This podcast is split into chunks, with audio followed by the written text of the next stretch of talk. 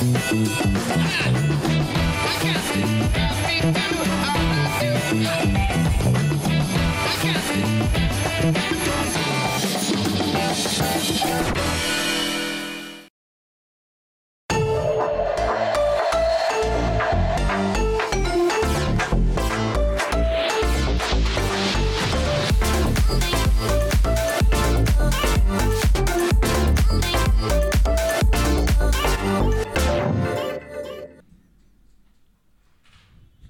Ćao svima, dobro nam došli u Lab 76, broj 74, još malo i stižemo do 76-ice i muzika i mi i sve zajedno ono što radimo je nešto što uvek nadamo se da šalje pozitivnu energiju, ljubav pre svega i lepe stvari i lepe priče pričamo iz našeg studija na kraju univerzuma. Pre nego što napravimo uvod, samo ću reći gospodin Dejan Potkonjak i moja malenkost. Ćao Srki. Ćao, vaši domaćini za ediciju broj 74 i kažem, pozitivni smo uvek nekako uvek gledamo da pogledamo stvari na jedan lep način i to ćemo pokušati da učinimo i, i, i večeras, međutim moramo da krenemo od, od činjenice da prečesto se u poslednje vreme opraštamo od ljudi, opraštamo se od ljudi koji prerano odlaze, nekako u motosportu smo prisustvovali često tim situacijama, večerašnji broj 74 neko od vas je tražio izvinjena se, zaboravio sam, malici je vrši iz Brutija, mislim, ili neko je tražio da, da bude posvećen delimično da je Giro Kato, čoveku koga smo izgubili pre sada skoro 20 godina, 18 konkretno, čoveka koji je vozio za Fausta Gresinija. Oprostili smo se od Marka Simončelija, čoveka koji je vozio za Fausta Gresinija. Večeras ćemo se i oprostiti i od Fausta Gresinija neverovatno zvuči, ali to je nešto što mora biti pre bilo kakvih priča o, o novim motorima, o Marku Markezu, Aleksu Markezu, Takaki, Nakagami, Polo Espargaru i mnogim vestima koje su nam stigle. Prva i osnovna vest jeste u svetu automotosporta Fausto Gresini, malo pošto je napunio 60 godina, je posle dvomesečne bitke s COVID-19 preminuo, šta da kažemo osim da će ostaviti ogromnu rupu, pričat ćemo o tome kolika je to rupa koja ostaje. Ne pamtim da sam se tako moram ti preći, prazno osjećao i ne volim da zlopotrebljam te momente kada se desi ovakve tragedije, uvek gledamo, hajmo da vidimo nešto pozitivno, ali postoje baš teško. Đorđe Belašević je neko od koga se takođe nismo oprostili, pozdrav za velikog barda, Eddie Van Halen, jedan od njih, od Nemanje smo se pozdravili, stalno neki pozdravi koje pokušavamo da pretvorimo u nešto što će donati pozitivu i ajde da čekam da počne sezona, da to bude ono što će biti pozitivno. Pričat ćemo o tim nekim lepšim aspektima, ali Fausto Grasini nažalost više nije sa nama i to je baš velika tragedija. Pa da, pravo si potpuno, ovo su bukvalno dani koje smo toliko dugo iščekivali vezano za, za promocije i Moto Grand Prix i Formula 1 i u ostalim šampionatima da vidimo ko vozi, gde vozi, da li će se voziti, znači neke, neke priče koje nas zanimaju i onda se dešava taj neki antiklimaks da. vezan za, za, za Gresinija, nažalost, eto, jednostavno,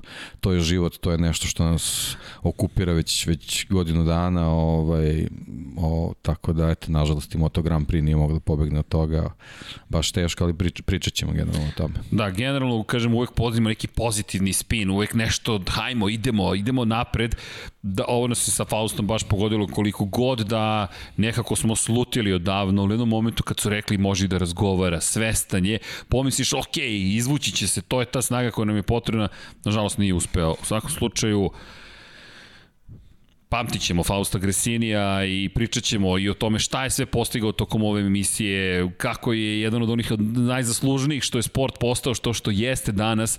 I ti si baš pričao o tome, prema što smo počeli pričat ćemo o tome, otišao je Fausto na, na, na pogrešan način, na jedan pozitivan način je otišao Davide Brivio, ali baš neke velike rupe ali oba, imamo. oba načina su negativne za Moto Grand Prix. Pričat ćemo, pričat ćemo yes. tome. No, to, to su velike rupe koje treba popuniti. Da, da pokušamo da ipak nekako budemo vedri i pozitivni i koliko god je to možda ponekad nemoguće, ali trudimo se, život ide dalje, planeta se okreće, krugovi, uvek to kažemo, se vrte i, i nekako lepe vesti dobijamo s jedne s druge strane, ovo je možda neka ta ravnoteža, mada sam protiv ravnoteže u ovom momentu, više sam za samo pozitivne stvari. Ono što je pozitivno jesu što su motori novi predstavljeni. Ono što je pozitivno, inače smanjit ćemo jačinu reklame, pozdrav za CO WW, pa ne brinite, to je kod nas zvuči dobro, ali očigledno izlazu je to malo otišlo preko, ali pripremamo se polako za, za i broj 76, još nismo sigurni da li ćemo da se usudimo da izgovorimo da će, koliko će dugo da traje, ali sledeće srede bi trebalo da bude 76. Rezervišemo dan, pa ćemo da vidimo. Pa ćemo da vidimo, da, ceo dan. Svi smo rezervisali u dan. U studiju da, da. i tu se nadamo da ćemo zaista da vam pričamo samo, samo najlepše stvari. Inače, kao što smo i rekli prošle nedelje, pa nastavili, pa i nastavljamo ove nedelje, i još neki novi sponzori su nam se javili da ne najavljamo pre vremena, ali neke pozitivne vesti. Sponzor za sada, bronzani, a i tehničko kutka koji nam dolazi gde ćemo analizirati razlike i da li postoje razlike u motorima odnosno na 2020 i 2021. Odmah da vam otkrim malu tajnu oštro oka gospodina sa moje desne strane i uočilo neke razlike. Bogdan je takođe tu saučestvovao, moja malenkost dodala, ali Deki je odmah video iz aviona, ljudi, obratite pažnju, ali doći ćemo na to. Philips One Blade, šta smo rekli, puštam bradu, evo, brada raste, nekako imam šta da trimam, ti si već si se doterao. Ja sam rekao prošle put, da. da, već smo krenuli sa time i ti imaš tada svoj briječ, ja imam svoj briječ, ali u svakom slučaju pričat ćemo o tome. Ako želite da saznate više, da, par stvari, to smo počeli prošle put da govorimo, like, like, like, like, like, udarite, pošto radimo na tome da nas algoritam prepozna da smo popularni, nije bitno da li smo popularni, nego se bavimo time da YouTube kaže, e, okej, okay, ovi momci imaju nešto da kažu, pa i devojke, nadamo se da će nam se pridružiti ponovo neke devojke devojke u studiju i pored toga, ukoliko hoćete saznati više o Philips One Blade-u, koji nije briječ, to je One Blade, kliknite na link u opisu ovog videa, a mi krećemo polako li sigurno i deki da krenemo. Mi od Krenuli smo od najvažnije informacije, to jest vesti. Ne volim da kažem da je neči, gubitak nečih života vest. To mi je tako nekako banalizovanje, ali činjenica je to nešto što je najveća stvar koja se desila. Pored toga da, da nam nije, nažalost, preminuo Fausto Gresini, pričali bismo o novoj Hondi RC213V, čuveni motocikl, motocikl koji će se uvek zvati 213V dok ne dođe četvrta, četvrta verzija. Izdanje za 2021. godinu je predstavljeno i imaće ga četiri vozača, Mark Marquez pojavio se najzad u javnosti osmostruki svetski šampion, Pole Spargaro, njegov klubski kolega u Repsol Hondi, kako se zvanično zove fabrički tim, čovjek koji ima jednu titulu u Moto2 kategoriji i još jedan šampion, Alex Marquez koji ima dve titule, jednu u Moto2, jednu u Moto3 klasi, rođeni brat Marka Markeza i čovjek koji vozi za Lučiće Kinelo Racing zajedno sa Takakim Nakagami, sva četvorica na fabričkim verzijama za 2021. I da krenemo od Repsol Honda, da bacimo pogled na neke od fotografija koje, koje, koje smo imali prilike da vidimo, ovo je onaj moment pred otkrivanje. 44-ku smo već videli na prošlogodišnjoj Hondi, ali ono što nas je obradovalo jeste, stigli su novi motori, I iako ovom industrijskom, industrijska pozadina ne dozvoljava baš da vidimo sve detalje, mi smo se bacili na posao. Ono što je bilo fenomenalno videti jeste da je Mark Marquez seo na motocikl pa makar i ovako. Da, konačno, konačno, konačno ga vidimo u sedlu, još je tu bilo i neki dodatnih izjava, ali ajde polako ćemo ovaj, u, u narednim minutima da prođemo o, sve to, ali ono što, što je najvažnije, vidimo da je, da je Honda spremna, Mark je tu prisustvo ovaj, ovaj, ovom šutingu, fotošutingu, tako da ovaj, eto, neke, neke pripreme počinju, je sad vidjet ćemo kako će to sve da se razvije. Da, i sad je rekao da, da je, da ne zna tačno kada će na stazu. Dakle, ajmo da, ajmo da, ajmo da, da kažemo ono najvažnije medicinsko stanje njegovo je bolje nego što smo mislili prema onome što je Honda zvanično saopštila, prema onome što je sam Mark Marquez zvanično dozvolio da bude saopšteno i pušteno u javnost. I bilo nam je potrebno da čujemo nešto. Tišina nas je najviše plašila kao da kriju nešto što niko od nas ne želi da čuje. I ovo je neki pozitivni signal, najzad pozitivni signal, međutim, predsezonska testiranja, Da li ćemo ga vidjeti na predsezonskim testiranjima? Pa, meni iz njegovih izjava delo da nema šanse. On... Jednostavno nema, nema ovaj, e, fizičke mogućnosti da bude na pretestiranjima. Kroz njegove izjave, kroz, kroz saopštenja Repsol Honda uglavnom se spominju po, u stvari spominje jedna povreda te kosti. Uh, ja bih voleo da je, da je to zaista tako, ovaj, uh, ali nastavak te rečenice je da kad lekari kažu da je ta kost 100% spremna, da, da je ovaj zeleno svetlo tu. Mark je rekao da će on tek u tom trenutku početi, početi da radi na, na, a, izgra, a, na gradnji muskulature. Znači, mišići su definitivno ovaj, trenutno u problemu, verovatno se pojavila i atrofija, a znamo koliko je motogram pri zahteva, znači bukvalno i, i najmanji mišić u, u, u telu, posebno u ruci verovatno ima jako veliku ulogu pre svega zbog njegovog stila vožnje. To, pričali smo mnogo, mnogo puta o tome tako da od trenutka kad dobije zeleno svetlo u ovoj sadašnjoj situaciji tek tek prestoji još jedan deo rehabilitacije posle kojeg bismo mogli da ga vidimo na motociklu. Ja se samo nadam da ovo što smo čuli da je to zaista to.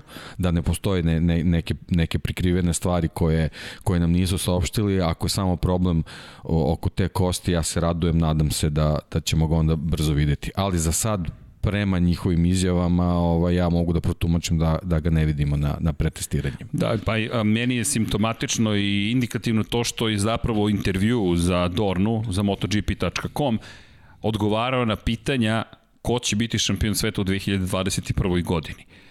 Dakle, kome on daje najveće šanse da osvoji titul. Kada to pitate nekoga od koga po defaultu, po, po fabričkom podešavanju očekujete da bude ili u borbi za titulu ili šampion negde na polovini sezone, već to negde rekao bih da govori o tome da i on svestan, da su svi svesni da će biti zahtevna sezona. Neću da kažem da nema šansu da osvoji titulu, to sa Markom Markezom se nikada ne zna, pogotovo ukoliko je zaista sada pitanje, hajde da kažemo nedelja, možda meseci, pre nego što dobije dozvolu i bude nadam se potpun ili takav oporavak da on može ponovo da vozi kao što je nekada vozio. Ostaje to kao otvoreno pitanje, mi to ne znamo. Pitanje da li on zna, da li iko na ovoj planeti zna, ali činjenica je da eto ti odgovori su već nekako najava toga da su svesni u Hondi, da je on svestan da će biti male šanse da se osvoji titula makar je to moj utisak. Zna, znaš kako, ja, ja tu situaciju ostavljam potpuno otvoreno i e, želim da razmišljam kao što smo razmišljali na početku prošle sezone, posle svega onog šta mu se izde, izdešavalo sa povredama, da ćemo ga dobiti tokom sezone u, u maksimalnom izdanju, onako kako, kako smo navikli ovaj, da vidimo Marka Markeza, moram da kažem, nažalost, smeši nam se još jedna jako slična sezona prošlogodišnjoj, tako da, da, da, da neku priču da ćemo moći da imamo neke istaknute favorite i da ih otkrijemo već posle dve do tri trke, mislim da, da, da, da ne možemo ni, da nećemo moći ni u 2021. da razmišljamo o tome, tako da ja njega i dalje stavljam u tu grupu ovaj, potencijalnih osvajača titule, s tim što naravno najvažniji preduslov je da se on što pre vrati na stazu u potpunoj, ovaj, potpunoj fizičkoj pripremi da bi mogao da, da, da nadogradi svoju vožnju. Da, kada govorimo o, o šansama za osvajanje šampionske titule, moramo da pogledamo i sa druge strane garaže.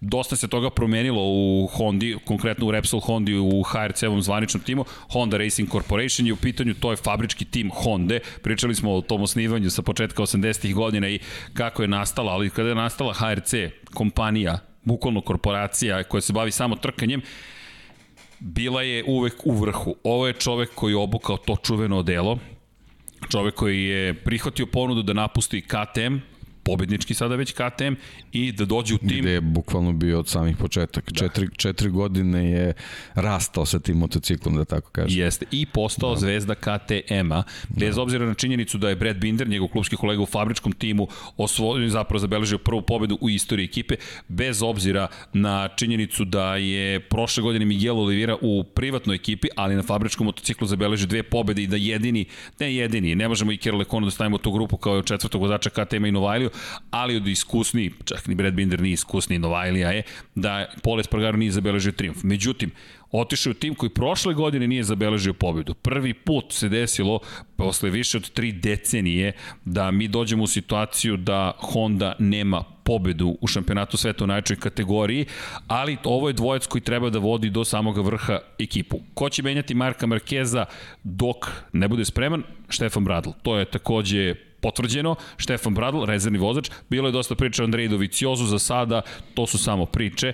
I Štefan Bradl će dobiti ulogu koju imaju prošle godine. To su navijačke priče, mislim, svi bismo volili da, da to bude ovaj, rešenje, ali to jednostavno nije tako lako. Da, i govorimo o timu koji će iz te perspektive biti oslobljen, međutim, to negde daje i šansu Polo Espargaru da zauzme svoju poziciju, da se dovoljno brzo prilagodi. Bićemo potrebno vremena za prilagođavanje, mi ne znamo kako će se snaći na Hondi, jedva čekam predsezonska testiranja i još važnije čekamo prvo trku, ne zaboravite, dve trke ćemo imati ove godine u Kataru, nadoknađujemo trke u Losailu, 28. marta će biti prva trka, kada je i prva trka u Formuli 1 u Bahreinu, tako da na Bliskom istoku biće zabavno.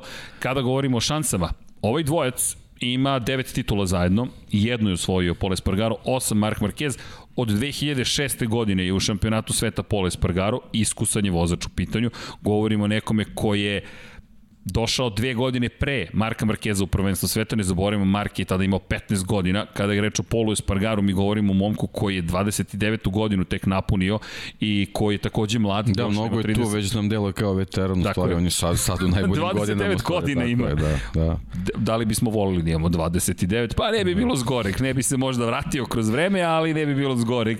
Ali mlad je čovek u pitanju. E sad, u Moto Grand Prix-u, čovek je od 2014. godine, od kada je seo na Yamaha, od kada je svoj titul u 2013. na Kalexu, šesti u šampionatu, deveti u šampionatu, osmi u šampionatu, sedamnesti u šampionatu, 14. u šampionatu, 11. u šampionatu i prošle godine peti u šampionatu. Najbolji plasman u karijeri u Moto Grand Prix ostvario prošle godine kada je bio peti na kraju sezone ogroman izazov je pred da, Polom Espargaro. Da, bio je peti u sezoni kad, kad se srodio i upoznao sa, sa motociklom kojeg raz, je razvijao kad je, kad je taj motocikl dobio sve te finese koje su mu nedostajale da bude brz, upravljiv, snažan, sve šta je, šta je neophodno, a sad dolazi na motocikl koji treba bukvalno da uči, ovaj, a pored sebe će, nadamo se, imati čoveka za koga je taj motocikl i pravljen. Tako da to je onako neki veliki izazov koji, koji jednostavno i, i nas nekako tera da, da jedva čekam da taj, da taj tandem vidimo u, u punom svetlu na, na Repsolu. Ali da te pitam, da li vidiš Pola Espargara kao rešenje? Kao neko dok se Mark Marquez ne oporavi da će biti na tom nivou koje je Hondi potreban? Jer to je jedno od najvažnijih pitanja. Honda je rekla prošle godine manje više izgubljena iz naše perspektive. Puno smo naučili, ali smo i tako mnogo toga izgubili. Jedna osrednja sezona po svim standardima, po njihovim vrlo loša godina. Znaš kako, niko ne može da im zameri to, jer jednostavno ta nepredviđena situacija sa, sa Markom je poremetila i Aleksa. Znači, Aleks je trebao da ima potpuno drugačiji napredak e, i razvoj. Ja verujem da je, da je sve bilo kako treba, da, da sad ne bismo ni pričali o polu kao, kao vozaču Repsol Honda. Ja verujem da bi braća Marquez ovaj, ostala, ostala u, u tandemu. Alex u datoj situaciji prošle godine jednostavno nije, nije bio ovaj, pravo rešenje zato što i on jednostavno nije dobio pravu priliku da, da se pripremi za taj motocikl i da ga upozna u terminima kad je to trebao da radi, a ne, ne tokom trka i početka sezone. Pol je, mislim da je u, u nešto boljoj situaciji nego što je, što je Alex bio prošle godine e, i ekipa ima dosta feedbackova vezana, vezano za taj motocikl. Ako se i Mark bude e, priključio u garaži, ovaj, ako krenu, krenu neke pripreme u, u, u tom smeru, verujem da će i Polu biti lakše da, da se prilagodi, ali ipak, rekao si, 29 godina, ipak je on iskusan vozač iskusan. Ima to uh, pozitivnih, ima negativnih I, strani. I, i strana. fenomenalna je stvar što on zaista ushićen. Jednostavno vidi se svake e, njegove izjave da je, mislim, on, on nam odavno najavio znači da nema spavanja u noći pred, pred prvi test. To I, pazi, je, to je ali da. to je ozbiljan test da, za njega. Da. Ako pričamo o Andrej Doviciozu kao nekome koji je trebalo da zauzme to mesto, čisto poređenje radi. Kada govorimo o Yamahi, na primjer, tu imamo nekog poređenje. U teh tri ekipi su bili jedan i drugi. U prvoj sezoni, uz više iskustva na Moto Grand Prix motociklu, četvrto mesto u šampionatu, 218 poena. I ukupno šest puta u toj godini, 2012. je Andrea bio na pobjedničkom postolju. Kada govorimo o MotoGP karijeri Pola Espargara. Na Yamahi nikad nije uspio da dođe do pobjedničkog postolja. 136 poena je osvojio u toj prvoj godini. To, to je ono što je meni bilo fascinantno. 136 poena u debitanskoj sezoni. To je dobra sezona, Tako šesti je, si. Apsolutno, apsolutno. Deveti si Tu iskreno pažnju na sebe Jeste. na pravi način. Da, ne samo time da. što je osvojio, što je Tako velika je. stvar, ali budimo realni. Moto 2, Moto 3 su niže kategorije. Kraljinska klasa je kraljinska klasa i mi dođemo do toga da 114 pojena osvoji naredne godine, 134 naredne i onda počinje avantura sa KTM-om.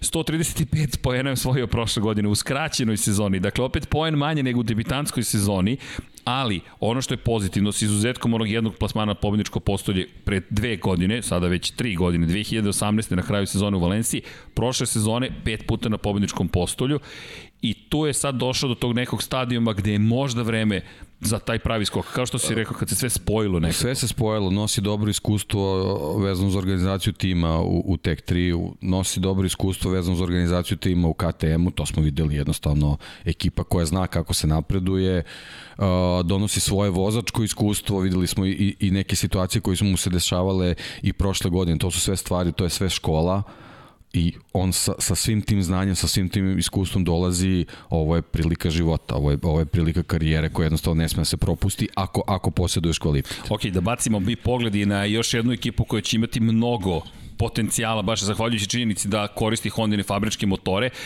onda ćemo doći na tehničku analizu da vidimo da li se i šta se to promenilo na osnovu fotografije koje imamo. Hvala Don Pablo, Vanja nam i dalje van stroja, ali pozdrav za Vanju, nadamo se da nas sluša i gleda i da je uz nas Alex Marquez, kao što si rekao, prošle godine Alex Marquez debitovao, bio je sa rođenim bratom u ekipi HRC, to jest u Repsol Hondi, otpušten pre početka sezone. Nije bio s bratom. Nije bio s bratom. Na, nažalost, to je, da. to je baš, baš ovaj veliki gubitak za ljubitelje motociklizma.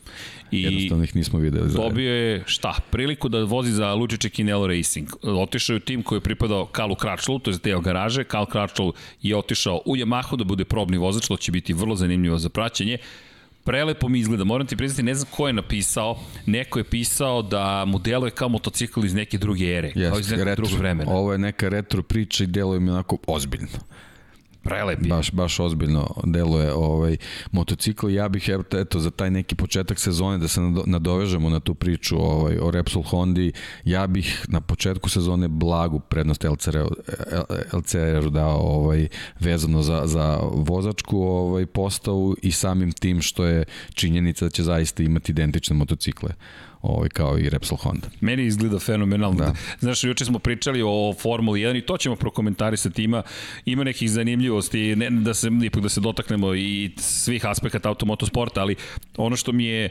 ovde zanimljivo, znaš ono čuveno, ako izgleda lepo, bit će brzo. I ovo definitivno je ovaj motocikl koji izgleda lepo, boje su nekako iz druge ere, šarenoliko, kao da je strip u pitanju, kao da je stripski junak izašao na stazu i navikli smo na malo na Castrol Honda. Da, to je. Pa, da. malčice naravno imaju neki drugi boje i malo, malo ovaj drugačije raspored, ali to je to je nešto ovaj, i super bajka što smo ovaj, zapamtili, da, ovaj, jako lepo izgleda. Pa da. Vraćamo i, se dve decenije unazad. Izvini, tako, kako da. se zove polovine? Ali, ali izvini, realno i, i, i sad kad se već spomenuo Formulu 1, mislim i ovaj, Alfa Tauri mi je nekako malo u retro nekim šarama. Izgleda da je to e, možda neki trend. Jeste, zapravo. jeste. Ovo su mi više 80-te. Video sam na internetu, ima, ima jedan momak, zaboravio sam sad, ne mogu sad da se setim, ali naći ću pa ćemo ga spomenuti. Radi rendere, ovaj, uzme moderne dizajne Formula 1 pa ih stavio neke, neke druge ere i uzeo bukvalno Alfa Tauri prebacio na neke ovaj, modele iz 90. godina i zaista delo kao da iz tog vremena. E, juče nam je da. bio Filip Đorđević i, i rekao, običao nam je da će nam pokazati u timelapsu zapravo u PowerPointu kako on to crta. Da, dao, si, dao si ideju, da, da on je napravio, inače da, da iskoristim priliku, ovo je nešto što bih da ispromovišem, pre svega Filipa. Filip nam je napravio Fikiz Motorsport Hub, dakle napravio kako izgleda po njegovom mišljenju dizajn jednog motora, kakav bi trebalo da koristimo u svetskom prvenstvu u Moto Grand Prix kategoriji, moramo vamo da se vratim, pošto je Field of Depth namješteno na mene, ali Infinity Lighthouse je tu, Sport da, Club je tu. to je neki retro fazon. Da, Mol je ubacio, da. ubacio da. Philips, ubacio sve dosadašnje sponzore i stavio broj 42, jer to je da, odgovor šta na... se vozi? Honda se vozi, pa dobro, ti taj, da, to je izbor. Da. primetio i ovde nam je dao Hondu, ne da, znam da, zašto da. je Honda, rekao je da, da. u Formuli 1 najviše pričamo o Hondi. Ne, nisam, ne, nisam, moram priznati da nisam to ispratio, ali ok, čekaj da vratimo. Juče je bila Formula 1, danas je Moto Grand Prix. U svakom slučaju prelepo izgleda motocikl Aleksa Markeza i moram priznati da sam, ve, o, evo, Don Pablo ispunjava želje, Dekijeve, Alfa Tauri, hvala. Alfa Tauri, fits body and mind. Iskreno, meni je, meni je ovaj prošlogodišnji dizajn ovaj, nekako lepši, atraktivni, ali kažem, ok, ako su ovo trendovi, nemam ništa protiv. Dobro. Ovaj. Le, lep, okay, da, zabavljene da, su u da, svakom da, slučaju, da. ali vidjet ćemo da li ta Maksima napravi lepo vozilo, bit će da. brzo, da li to zaista funkcioniše. Uh, ono što sam htio da kažem, ekipa se zanimljivo, polovina ekipe se zove Lucio Čekinelo Racing, Lucio Čekinelo osnivač tima, LCR Honda Castrol. Castrol je i glavni sponsor zapravo dela ekipe koji pripada Aleksu Markezu. Ono što mi se dopada, Moto Grand Prix dozvoljava da podelite svoju ekipu i da imate različite sponzore, nešto što je čuvena situacija, zapravo nešto što je Formula 1 zabranila posle onog čuvenog momenta sa, sa reklamama za 555 i Lucky Strike, pa, kada je British znaš American kako, nije, Tobacco. Nije ona zabranila, već je jednostavno u pravilima to bilo.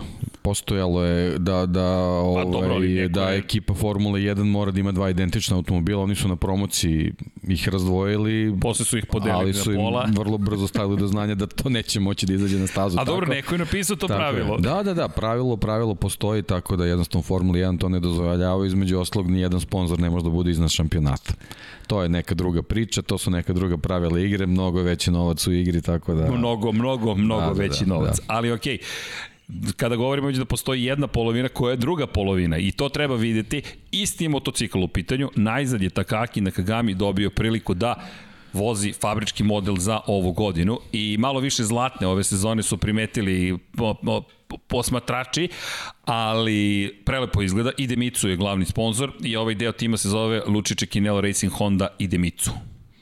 Dobro izgleda. Da. Zaista dobro da. izgleda. Takaki Nakagami deluje još ozbiljnije to je naravno samo prvi utisak, kao da, ali deluje da je, da je zaista neko ko je rešio ove godine da napravi sledeći korak i njegova ozbiljnost po kojoj se prošle godine već videla, mislim da će otići na novi nivo, da je mogao da dovoljno odmori, odmor je takođe deo proces učenja i napretka i rasta, odmorajte, spavajte redovno, to je važno za psihofizičko zdravlje, mislim da su se kockice složili još bolje i da Jeste. ako, ukoliko motocikl bude bolji, da, to jest, sad šta je bolji? Da. da ćemo da otvorimo i tu temu. Da. Koliko je dobar motocikl pre toga, dobro. Da, zaokružujemo priču. Znači, prema trenutnim saznanji, e, saznanjima vezanom za, za, za situaciju na kraju sezone, e, aktuelne, da kažemo, psihofizičke situacije i tako dalje, ja blagu prednost dajem tandemu LCR-a, očekujem dosta od Pola Espargara, zaista bih voleo i naravno, eto, želim da u neko dogodno vreme Marka Markeza vidimo na stazi ali za sad LCR je mislim u blagoj prednosti. Da, Nakagami je imao sjajnu godinu. Prošle da. sezone smo mogli zaista da uživamo u... Ako je bilo neke treme, nadam se da je sad prošla, da neće imati te padove u prvih nekoliko krivina kad, kad je čovek u voćstvu, tako da mislim da može i za njega to da bude mnogo bolje i mislim da, da je tandem sa Aleksom dobar za njega. A bio je vrlo konstantan. Veći deo sezone je proveo zapravo kao jedan od onih vozača koji jedini imaju završene trke. Ako pogledamo, Samo jednom nije bio među vodećih devet vozača. Dakle, deseti je bio na prvoj trci sezone. Četvrti, osmi, šesti, sedmi, deveti, šesti, sedmi, sedmi, peti. Čuveni pad sa pol pozicije četvrti već znači, na sledećoj bukval, trci. Da, bukvalno do tog pada je bio briljant. Sjajan. Briljant. I onda pad, četvrta pozicija, pad, peta pozicija. 116 poena. Da je završio ove dve trke, da kažemo na sedmoj poziciji to je dodatnih 18 poena na kraju. Sa 116 bio bi Paul Espargaro. Bio bi poen i za Paul Espargaro. Da, da. tak, zato kažem, to je, to je ovaj, ta neka njihova prednost. Znači imaju veliko, ogromno iskustvo vezano za, za, za prošlu sezonu. Prilično dobro poznaju taj motocikl bez obzira, eto vidjet ćemo možda i te, te izmene koje smo primetili. To je manje više to je taj motocikl, tako da zaista njih dvojica bi trebalo od, od samog početka sezone da budu dobri, posebno zato što imaju te, te test dane koji će mnogo, mnogo da znače obojici.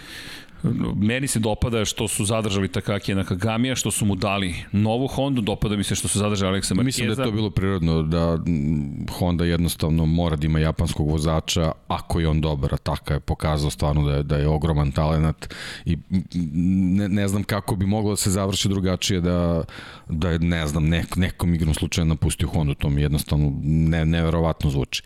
Tako da ovaj drago mi je da je tu vidimo da ima i velikog sponzora i za tebe i za sebe tako da ovaj to je sigurno još jedan dodatni dodatni momenat koji je jako važan u ovoj priči, a Alex jednostavno eto našao se tu zato što to u nekom trenutku u, u, u, u polovini prošle te čudne sezone već bilo rešeno i, i dobro, eto, tako se, tako se ovaj izdešavalo, ali mislim da, da, da obojica mogu da, da imaju velike pluse vezano za njihov nastup u LCR-u. U svakom slučaju, prvi put u istoriji još jedna bitna napomena, mi imamo četiri fabričke Honda na stazi i to će isto biti takmičenje između njih. Identične. Ne da. Identične. Ne zaboravimo i Štefana Bradla. Da, da. Ne znamo šta će da. Štefan Bradla učiniti. Nekako pred kraj godine kada je dobio dozvolu da se trka izgledalo je bolje. Tako da ajde da ne otpišem. Ipak da, je to još jedan šampion sveta. Ponovo je jako važno kako će u stvari on ulogu imati. Da. Da li nešto već na početku će Honda proveravati vezano za nastavak sezoni ili će i on dobiti trkački motocikl i, i, i pokazati šta zna. Tako da o, njegova izdanja mislim da prilično zavise od, od, od, od zahteva Honda izvini, ja dobijam ovde mhm. poruku da je tehnički kutak Bogdan izvukao sve što je trebalo da se izvuče, tako da ćemo da... Taman na vreme. Da. Taman na vreme, da iskoristimo priliku da, da, da predstavimo iz te perspektive zapravo Hondu.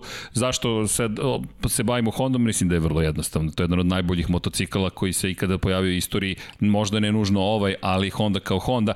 I još jedna bitna napomena. Za ovaj jednostavno ne znamo. Mi ne znamo njegove limite. E da, to nismo završili tu priču. Je. Da, to je nešto što si ti pred početak emisije pričao, pa ja to koristim sada kao priliku za uvod. Da. Ali koja je tvoja teorija u celoj toj priči? Pa vezano eto za, za te neke izmene, tako smo i počeli to da pričamo. Mislim, bukvalno smo kao, kao u nekoj skandinavci, u nekim, nekim novinama vezano za, za, za enigmatiku pokušali ono da kao pronađemo razlike uočili smo ne, neke razlike koje ovaj koje tu postoje, ovaj ali jednostavno bitnih promena verovatno nije trebalo da bude zato što mi u stvari ne znamo pravi potencijal motocikla od, od uh, prošle sezone zato što čovek koji je koji je trebao da, da ga dotera do, do, do svog maksimuma jednostavno nije nastupao. Znači videli smo tračke ovaj potencijala vezano za nastupe na Kagamija, Kračlova za, za, za nastupe Aleksa Markeza, ovaj, ali to su samo bili neki sitni, sitni fragmenti gde, gde uvek je naravno postojalo ovaj saznanje kad, kad, kad, kad vidiš te rezultate uvek ti je negde na pameti bilo da Mark bi možda bar za 10% bio bolji. Tako da mi u stvari ne znamo koji su pravi potencijali tog motocikla, a videli smo prošle godine da zaista može da bude brzo. Da, i ono što smo i uveli, utak nastavljamo s tim, uskoro će predstaviti da ponavljam da smo ga uveli, prosto, prosto po, postao je deo emisije sastavni Philips Van Blade, sponsor tehničkog kutka, ili ti ovo nije brijač, ovo je Van Blade, novi način trimovanja, oblikovanja i brijanja, bilo koje dužine brade, a voli Don Pablo da vrati ovaj kadar zajedno sa Vanjom na, na, na onoga ko zapravo promoviše nešto. Vratite slobodno tehnike kako tako molim vas. Dakle, pričamo o, o tehnici, ba koristim priliku za one koji će ovo slušati u podcastima, kasnije na, na Apple podcastima, Spotifyu, Deezeru, imamo na Google podcastima emisiju, mislim da smo ubacili i još negde smo ubacili na zahtev samo jedne osobe, ali ukoliko imate želju još na nekoj platformi da budemo, samo se javite u komentarima pa ćemo to da učinimo. Dakle, ovo nije Brijač, ovo je Van Blade i zašto smo ga spojili sa tehničkim kutom, to je bio neki naš predlog, pa zato što možete svašta da radite. Trimujete, podrezujete, brijete i menjate oštrice posle 4 meseca uz jedinstvenu Van Blade tehnologiju, a imate i fleksibilne, okretljive češljeve i tako dalje, dugotrajnu bateriju, radi i po mokrom i po suvom i ono što nam zabavlja u Formula 1 hibridna tehnologija ili ti i sečivo imaš, ali nije briječ, nego One Blade i koristiš ruke, imaš i struju i da se bacimo na ono što ima motore sa unutrašnjim sagorevljem, juče smo rekli u Formuli 1 trebalo bi da imamo elektrotehnički kutak. Za sada obratite pažnju na 213 V iz prošle godine i sa desne strane sa iz 2021. godine. Deki ti reče kao u slagalici lupa nam jedino nedostaje. Međutim, mi smo ubacili virtualnu lupu. Hvala. Ovo si ti uočio. Dakle, šrafovi nisu isto postavljeni. Možda vam zvuči banalno, ali obratite pažnju koliko je drugačiji zapravo oplata s ove strane. Ovo su ona čuvena krilca koje se koriste sa strane i to nije najveća promena koju smo videli, ali deki svaka čast na, na, na oku Sokolovom, mada taj nadimak više nije popularan, makar ne u Beogradu, ukoliko parkirate. Da, da, ali dobro. Činjenica je da deluje kao da su malo pomerili ovo krilo naviše. To kada pogledate odnosu na slovo E, naravno nismo 100% sigurni. Da, malo zbog ugla ovaj, nisu, nisu identično postavljeni motocikli, tako da možda tu malo, malo ovaj, uh, postoji neka, neka optička varka, ali, ali deluje da i sama konstrukcija krila malčice, malčice drugačije ali o, ono što što se vidi jednostavno vidi se da zavrtni ovaj ovaj deo da, da se da se da da se da se pričešćuje na na oplatu da da da su pomereni iz verovatno nekog bitnog funkcionalnog razloga ne nije bilo razloga da to rade Izvini. tek da bi uradili. Da li si ikad da. mogu da zamisliš sezonu u kojoj mi pričamo o tome da se zavrtni i da, to bi negde da, došlo da, kao da. poslednja da. stavka, ali tu da. smo, nema mnogo promena. No, idemo A da, na... mislim generalno ovo su ovo su promene, to su verovatno neke stvari koji su uočene tokom prošle sezone. Jeste. Jel prošla Ali... sezona je praktično za ove motocikle kad je doneta odluka da, da nema izmena, jednostavno poslužila kao test sezona i, i ovo su sa te neke sitne izmene, neke, neke male evolucije, ali eto, da, da vidimo čisto šta, šta tu sve može da postoji da pogledamo ovo. Ovo je mnogo Ovo može da bude bitna stvar. E, ovo, da. ovo nije mala promena. Hajmo da krenemo od onoga što je najveća promjena koju smo očili. Bratite pažnju na položaj prednjih krila. Nažalost, Honda ove godine nam nije baš pomogla u ovoj tehničkoj analizi. Zašto? Takvo je takva je pozadina u kojoj je fotografisano, takvo je osvetljenje da se gotovo da se nije ni videlo krilo. Međutim, ono Mislim što se jasno vidi... Da, da, rekao bih da, da nije slučajno celo ovoj priči i mislim da se dešava isto što se desilo, čudno mi čuda, sa Red Bullom, koji, iako je ovde i glavni, jedan od glavnih sponzora, juče kada je predstavio bolid Formula 1 bio vrlo škrt po pitanju toga što nam je dozvolio da vidimo. I iz te perspektive, ovo smo negde, neću reći jedva uočili, ali uh, jedna od najvećih promjena gotovo da nije vidljiva kada pogledate sa, sa ove strane. Ono što smo videli više i to ćemo posle da vam prikažemo je na Lučiće Kinelo Racing Hondi kod Aleksa Markeza jer su imali frontalni kadar. I vidi se da je italijanski tim fotografisao, ali da se vratimo na ovo, krilo je spušteno prednje, Dakle, spušteno je krilo u odnosu na prošlogodišnji model i kao što možete vidjeti drugačiji oblik. Ovo nije mala promena. Ovo nije mala promena. Delo. Pa u ovom krugu su generalno dve velike promene. Vezano je za, za ovaj usis centralni i za krilo. Mislim da su to dve jako, jako važne promene, ali, ali eto, vidjet ćemo, vidjet ćemo u zavisnosti od performansi.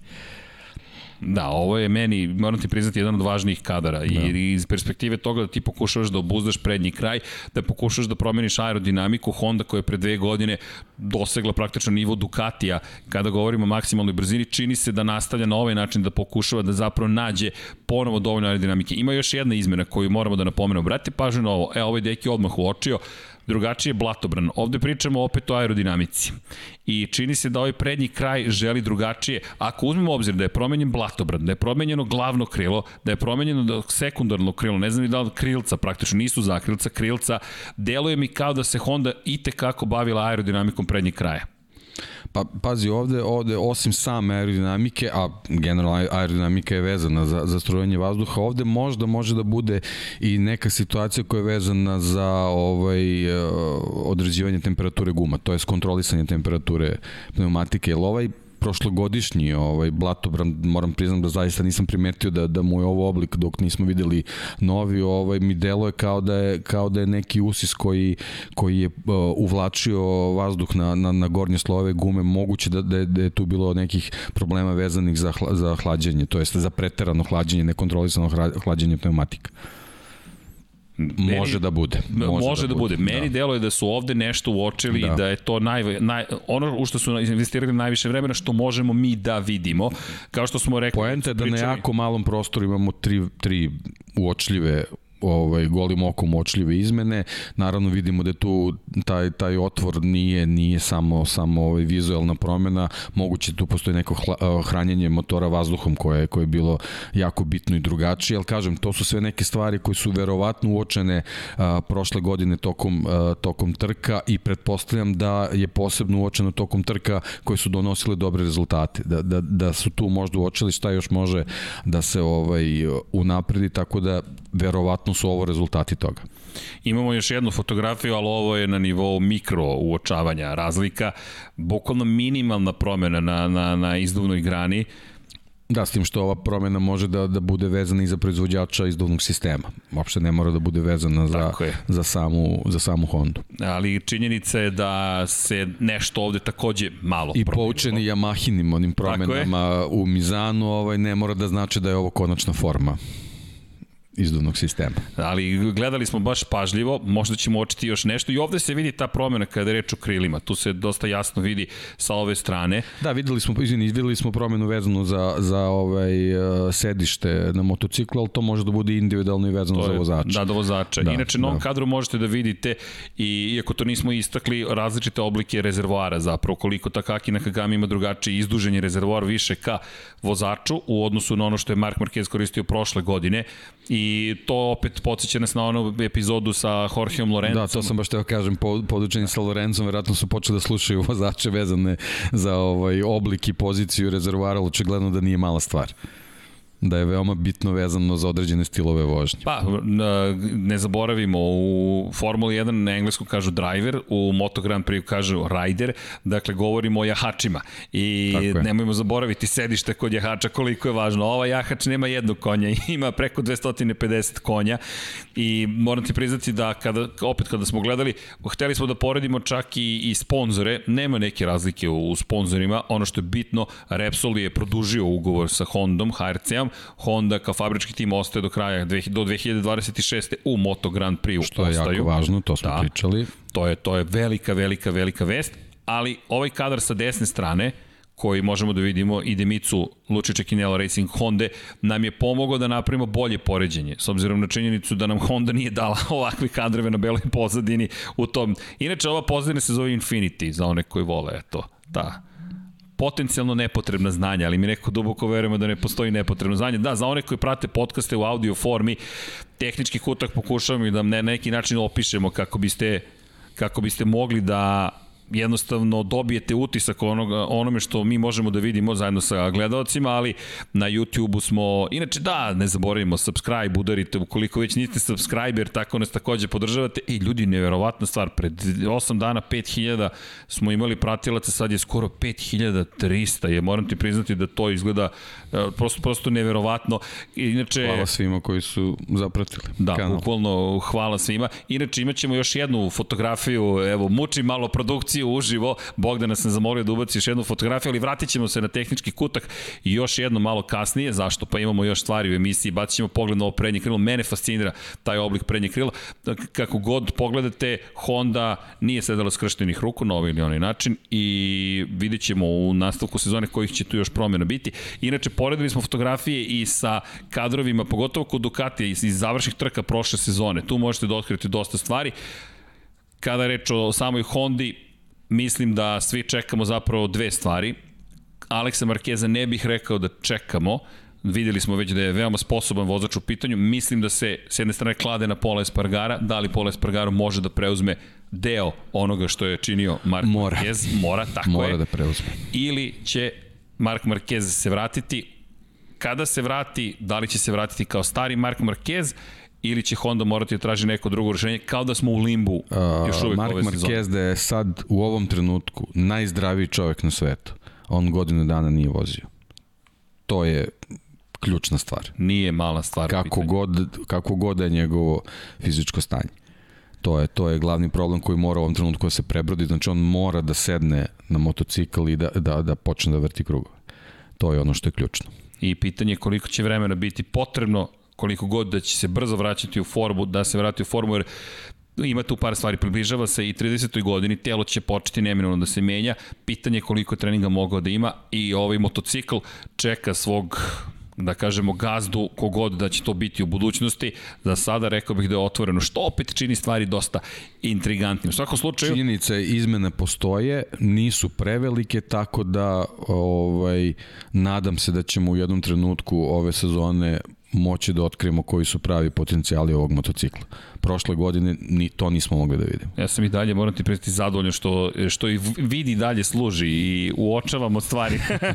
da, pa vidi, možda smo nešto i preskočili. Moguće da, da ima još neka, neka sitnica koja možda i važnija od ovih koje smo ovaj, videli. Da, za sada ovo je ono što smo mogli da učimo. Ima i malih promena na, na, još, na centralnoj izduvnoj grani, ali korak po korak. Samo da počnu testiranja, a onda ćemo se baciti na posao tek dodatnih poređenja. U svakom slučaju, tehnički kutak powered by Philips One Blade.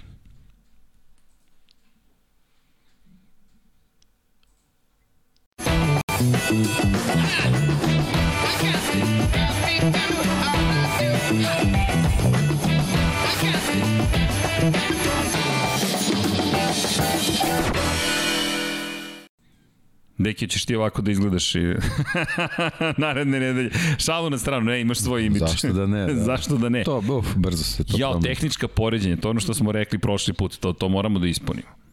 Leva i desna strana. da, na svakom slučaju idemo mi dalje. Honda nam je prosto bila važna, važna tema. Ima mnogo toga što očekujemo od Honda. Konačno to je najveći tim u Moto Grand Prix-u i to je taj tim čiji smo prezentaciju čekali pride uz činjenicu da se Mark Marquez pojavio u javnosti, čak je stigao da promoviše i telefon, tako da je počeo, vraća se u reklamne kampanje, pa eto, I mi smo upali u taj svet, to jest ušli smo. Jej! Pa ne, on je dalje superstar Moto Grand Prix bez obzira što nije nije prisutan na stazi, tako da ovaj Lepo to je to je samo pozitivno u tim tako u tim izdanjima. Tako je, tako je. Ok, idemo mi dalje da podsjetimo na nekoliko stvari još. Imamo još nekoliko prezentacija za ovu sezonu. Nemoj zaboraviti da nije kraj predstavljanjima novih motocikala. Sa nestrpljenjem čekamo, nažalost, na jedan sada čudan način prezentaciju Aprilije. Fausto Gresini i Aprilia i ove godine su zvanično zajedno, dakle Gresini Racing i Aprilia su fabrički tim, Italijane čekamo da prezentuju novi motocikl, mi se nadamo da će tu biti ozbiljnih promena, da ćemo najzad vidjeti taj iskorak koji je KTM napravio prošle godine, ali nemaju Danija Pedrosa u svojim redovima, Tako nemaju je. tog probnog vozača, međutim činjenica... Veliki problem KTM-a bilo je skretanje, Pedrosa je došao, ovaj, utrimovao je taj motocikl i to je bila razlika bukvalno kao nebo i zemlja. Upravo to što si rekao, Aprilia nema nema kvalitet u test vozačima koji možda mogu da donesu to neko fino tuniranje, ali uh, zahvaljujući tim propisima da oni još uvek mogu slobodno to sve da, da razvijaju. Ja se nadam da će ipak napraviti neki veliki korak. Ne sumnjam da je plan napravljen, ne sad cela ova situacija to malo sad sve remeti, ali ovaj nadam se eto da, da, da ćemo uspeti da, da vidimo neko bolje izdanje ovaj, aprili. Da, Aleš Espargaro je potvrđeni vozač Luka Savadori i potvrđeni, baš i nije potvrđen, čekamo da definitivno bude potvrđeno, pretpostavljamo da će voziti Luka Savadori.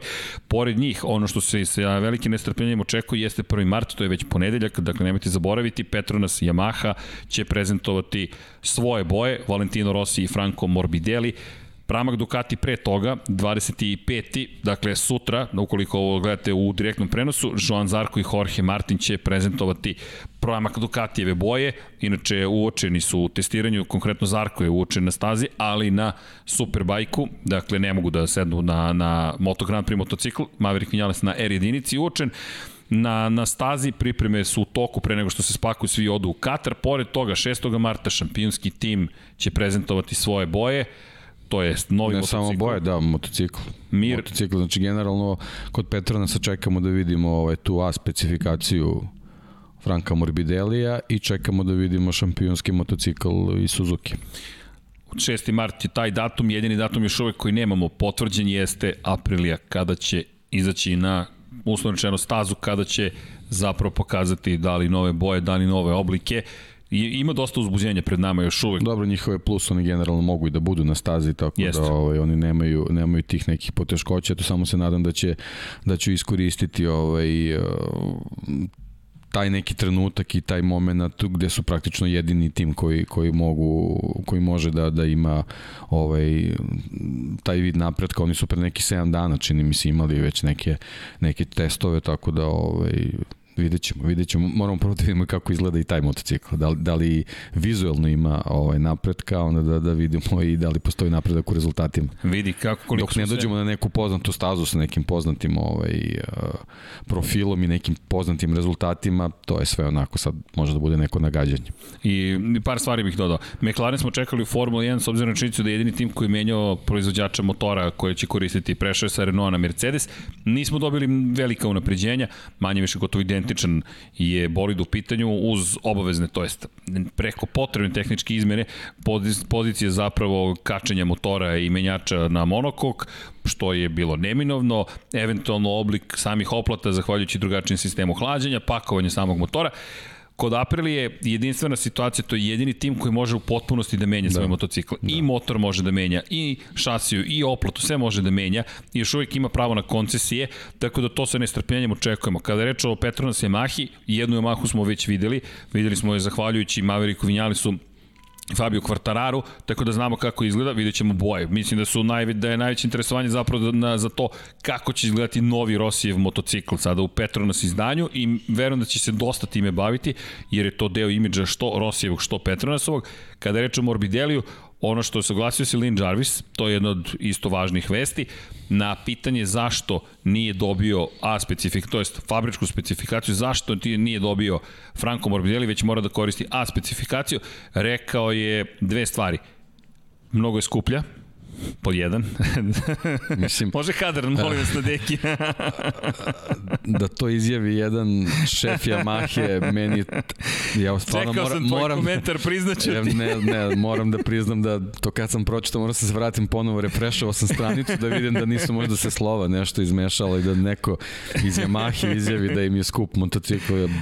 Da, mnogo je skup Posebno kad pogledaš, znači dobiješ platio, četiri Ducatija, da, dobiješ da, da. četiri Honda, a, Suzuki da postoji mogućnost, verovatno bi imao četiri identična Suzuki-a i, i onda, onda od Lina Jarvisa čuješ da, da vice šampion sveta ne može da dobije identičnu specifikaciju kao ostali zato što je motocikl skup, znači izvini, ali stvo, ne, ne znam, ne znam šta, šta da kažem. Da li je u redu da ti kažem da, da te volim? Da. da. ne, ne znam šta bih rekao. Ovaj, Mislim... Uh, kažem, nije nužno da, ovaj, da je videli smo prošle sezone, da je fabrička specifikacija bolja, da, specifikacija apsolutno ne mora ništa da znači, ali jednostavno gest da najbolji vozač prošle sezone ne, ne igrom slučaja, nego čovjek koji zaista na stazi to pokazao da ponovo dobija A specifikaciju zato što je nešto odlučeno, ne znam, u nekom periodu godine, što kažeš, ajde, dobro, okej, okay, zbog tehnologije, proizvodnje, delo, sve to ok, ali da, da se izjavi da im je skupo, da imaju još jedan motocikl, stvarno nemam, nemam komentar na to, zaista. zaista. ok, uh, Deki nam se probudio, ne pije kafu, ali spomenite neku vrstu nepravde i Dejan će se probuditi, ali da, to je, to je, do, nešto nisam siguran ni da, ni da završim. Reče, za one koji ne znaju, Lin Jarvis je rekao da je mnogo skuplji motocikl u pitanju, Petronas takođe ne može to sebi da priušti, jer radi Petronas. se Petronas.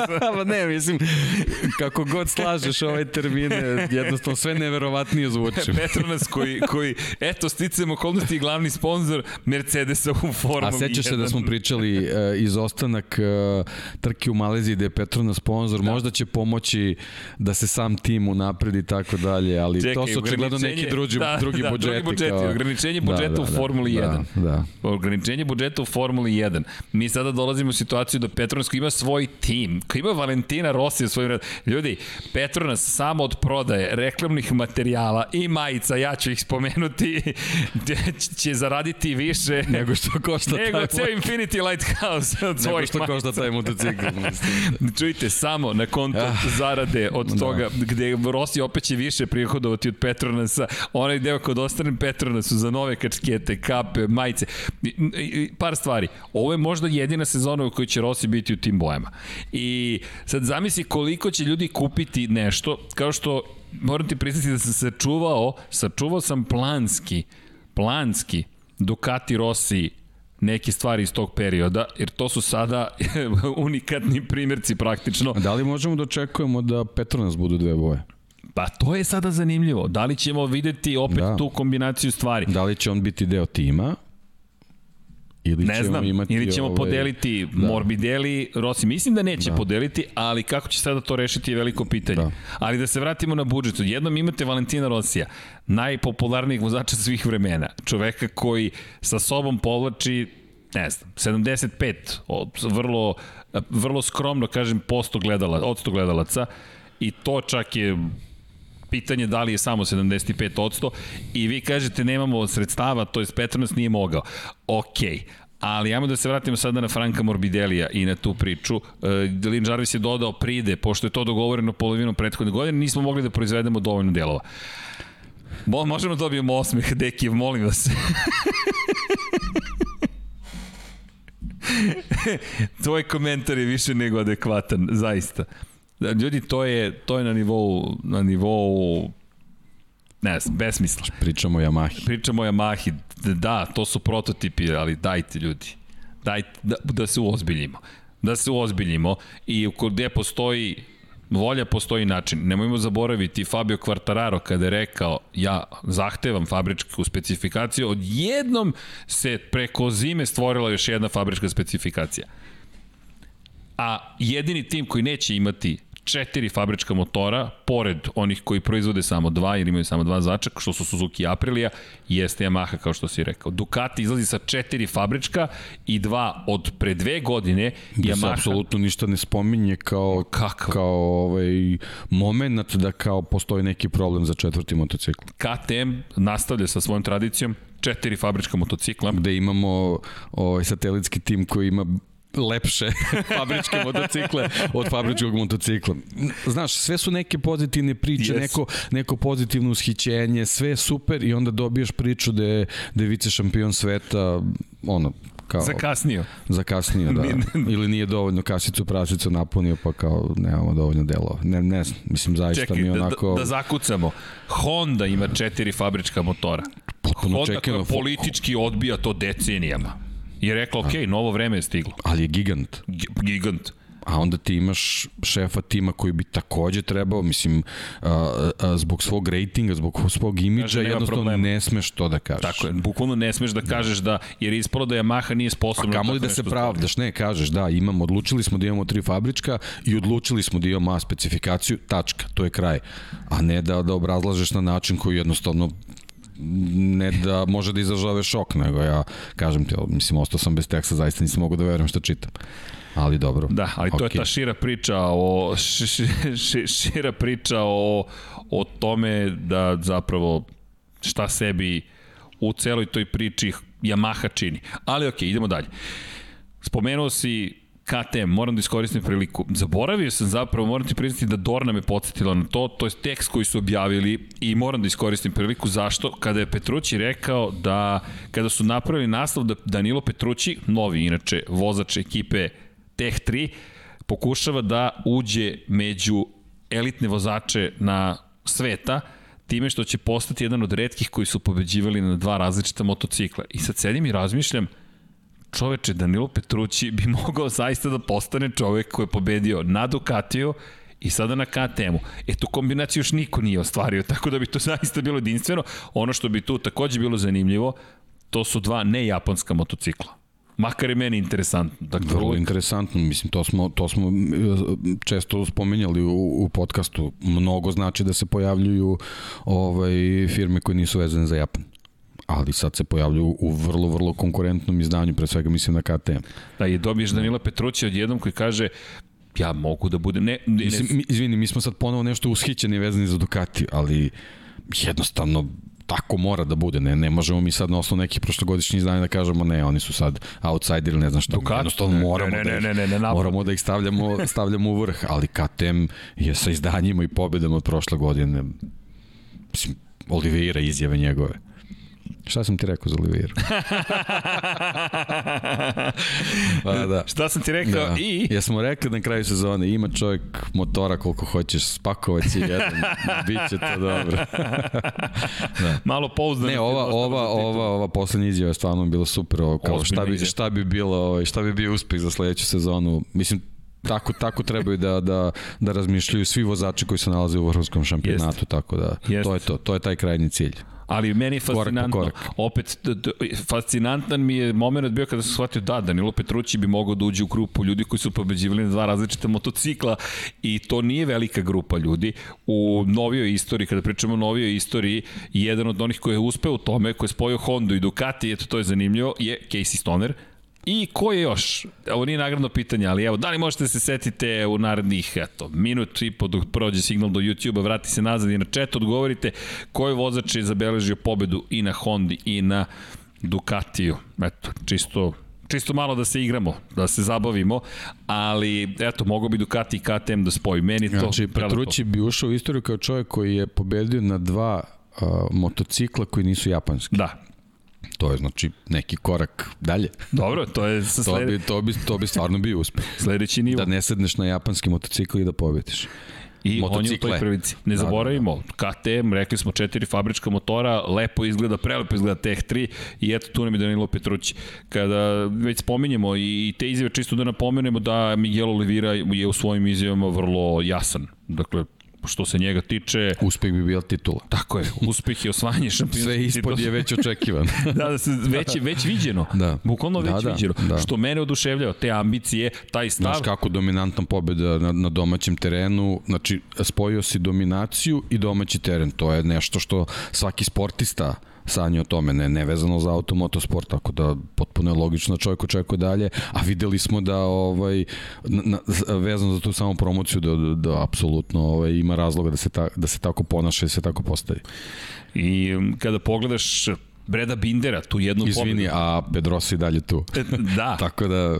E, spominju si Pedrosu da, i da. to je isto lepa priča o Daniju Pedrosi, zapravo komentar koji su dali iz, iz KTM-a da drugi vozači sada uče na osnovu onoga što čini Dani Pedrosa i koliko je Dani Pedrosa zapravo možda i više promenio Moto Grand Prix od kada je prestao da bude aktivni vozač. I ne samo to, uh, uh, nekako je promenio i, i samu percepciju uh, test vozača.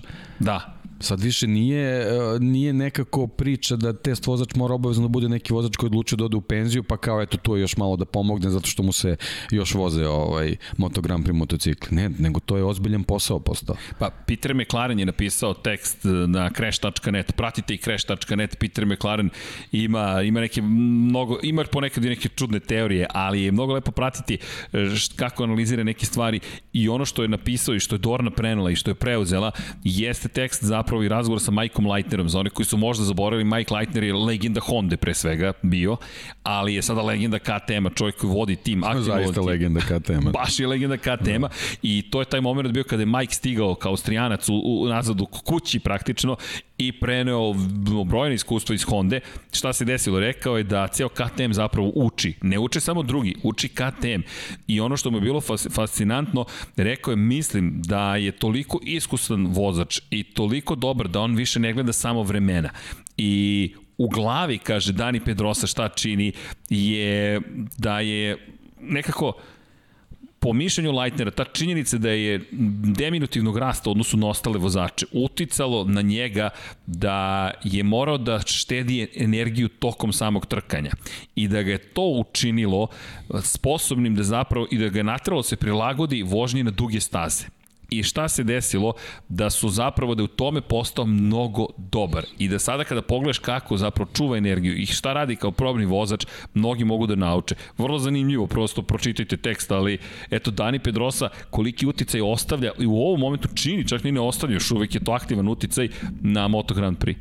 Fenomenalna priča, meni se mnogo to dopada i bilo je i McLaren počinje svoj tekst time da se su mnogi sumnjali i u KTM pa i u Pedrosinu odluku, izbor da, da čovjek se spakuje i ode u KTM, međutim sada svi žele taj KTM. A evo, i Honda želi KTM. Ne, to je taj recept, i to smo spomenjali mnogo puta, već se ponavljamo, jednostavno on je došao da, da, da fino našteluje taj motocikl.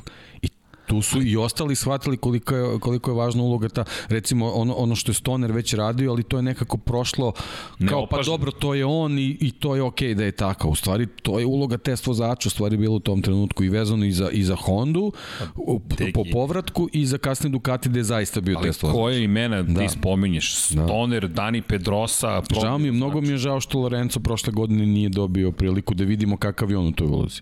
Uf, Stoner, Lorenzo, da. Pedrosa, vanzemaljci su postali probni vozači. Da. Voleo bih da vidim ponovo njih na stazi, pa makar i da, da se ne trkaju, ali da se eto nađu isto vreme na isto mesto. Jegeri motos, motosport. A, bravo, čak i Jegeri, da, i čak i Jegera smo izgubili ovaj da. sezon, to je to u, u, ovom periodu. Ali da, lepo si rekao, Jegeri, auto, to je motociklizma, ali auto motosporta generalno. Ma fenomenalna priča. Ono što je takođe tako Leitner da je vrlo iskren i direktan bukvalno direktno. Kada već spomenjemo probne vozače, kada probe, spomenjamo i pripreme i probe, ne mogu da testiraju motore, ali ono što je zanimljivo, Alex Rins je u Barceloni, Jack Miller je u Barceloni, Fabio Quartararo je u Barceloni, Pole Spargaro je u Barceloni, Aleš Spargaro je u Barceloni, Joan Zarko, Takaki Nakagami i Alex Marquez. Takođe su im se pridružili Remy Gardner, došao i Raul Fernandez, nemoj zaboraviti čovek koji je na kraju sezone bio impresivan u Moto3 klasi, Alberto Arenas osvajač titule, Marcos Ramirez, Jaume Masija i uz njih Tito Rabat, koji vozi u Superbajku, u svetskom šampionatu Superbajku, Dominik Egerter i Ana Karasko. Posebno mi je drago za Ana prvi Karasko. put je sela posle pobjede, da. da. I Sjajno. možete na njenom Instagramu da vidite prelepu fotografiju Ana Karasko najzad na Moto3. To je baš lepa vest. Jeste. To je lepa vest. I ja sam moram priznati da se oduševio kad sam je video i naravno vozi kao devojčica na motoru. povreda, piše. veoma je hrabra zaista bila ovaj, i mnogo mi je drago što se vratila. Jeste. Lep moment prelep moment. U svakom slučaju na stazi su, inače na superbajkovima su, tako da možete da, ukoliko pratite, idite na motogp.com Pedro Lamazares je fotografisao, da spomenujem i čoveka koji je fotografisao i u bojama kao da su, ono što mi je bilo zanimljivo, da li će ovo biti boje pramaka, petica se pojavila, jesu to super bajkovi, ali su ofarbani fabrički, Zarko je još uvek u crnim, u crnoj koži, u crnom zaštitnom modelu, to čak nije ni koža, više to je veštačka koža, ali činjenica je da smo videli, dosta lepo izgleda taj pramak Ducati. I super je ovaj, ja se stalno setim uh, tebe kad si spominjao ove neke njegove kvalitete, što svaki put kad spomenjamo da se negde vozi neki test, da je Tito Rabat tu. Da. ja ne znam koliko da. on kilometara već izvezao. Da. Zaista, ovaj, stvarno jedva čekam da krene ta sezona da vidim kako će se snaći u, u Superbike šampionatu. STV Tito Rabat, pratite ga. Mi, mi ćemo ga svakako pratiti, vodit ćemo račun o tome što nekako ga svojatamo, uslovno rečeno. Ima tu, ima još lepih vesti, momenta, bliže se prosto i odlasci u Katar, nemojmo zaboraviti da po onome što smo videli, inače već su nam stigla obaveštenja kao novinari ukoliko želimo da dođemo koji protokol i proceduru moramo da prođemo. Ljudi, toliko je zahtevno da logistika timova ove godine će biti takva da opet kao i prošle godine svakim čas kada uspeju da organizuju jednu trku kamoli ceo šampionat, otići će na test, ostaće posle testa u Kataru, neće biti ovoga puta vraćanje, pa hajmo ponovo ceo proces. Prva trka, pa druga trka na istom mestu, Malo smo se našalili, međutim osvrnuo bih se na onaj tehnički moment, a to je propustili smo prošle godine trku Kataru, nemoj to zaboraviti, mi nemamo podatke za prošlogodišnje motore iz Losaila, osim sa testa. Osim sa testa, da. Ali to je opet test, to nije trka.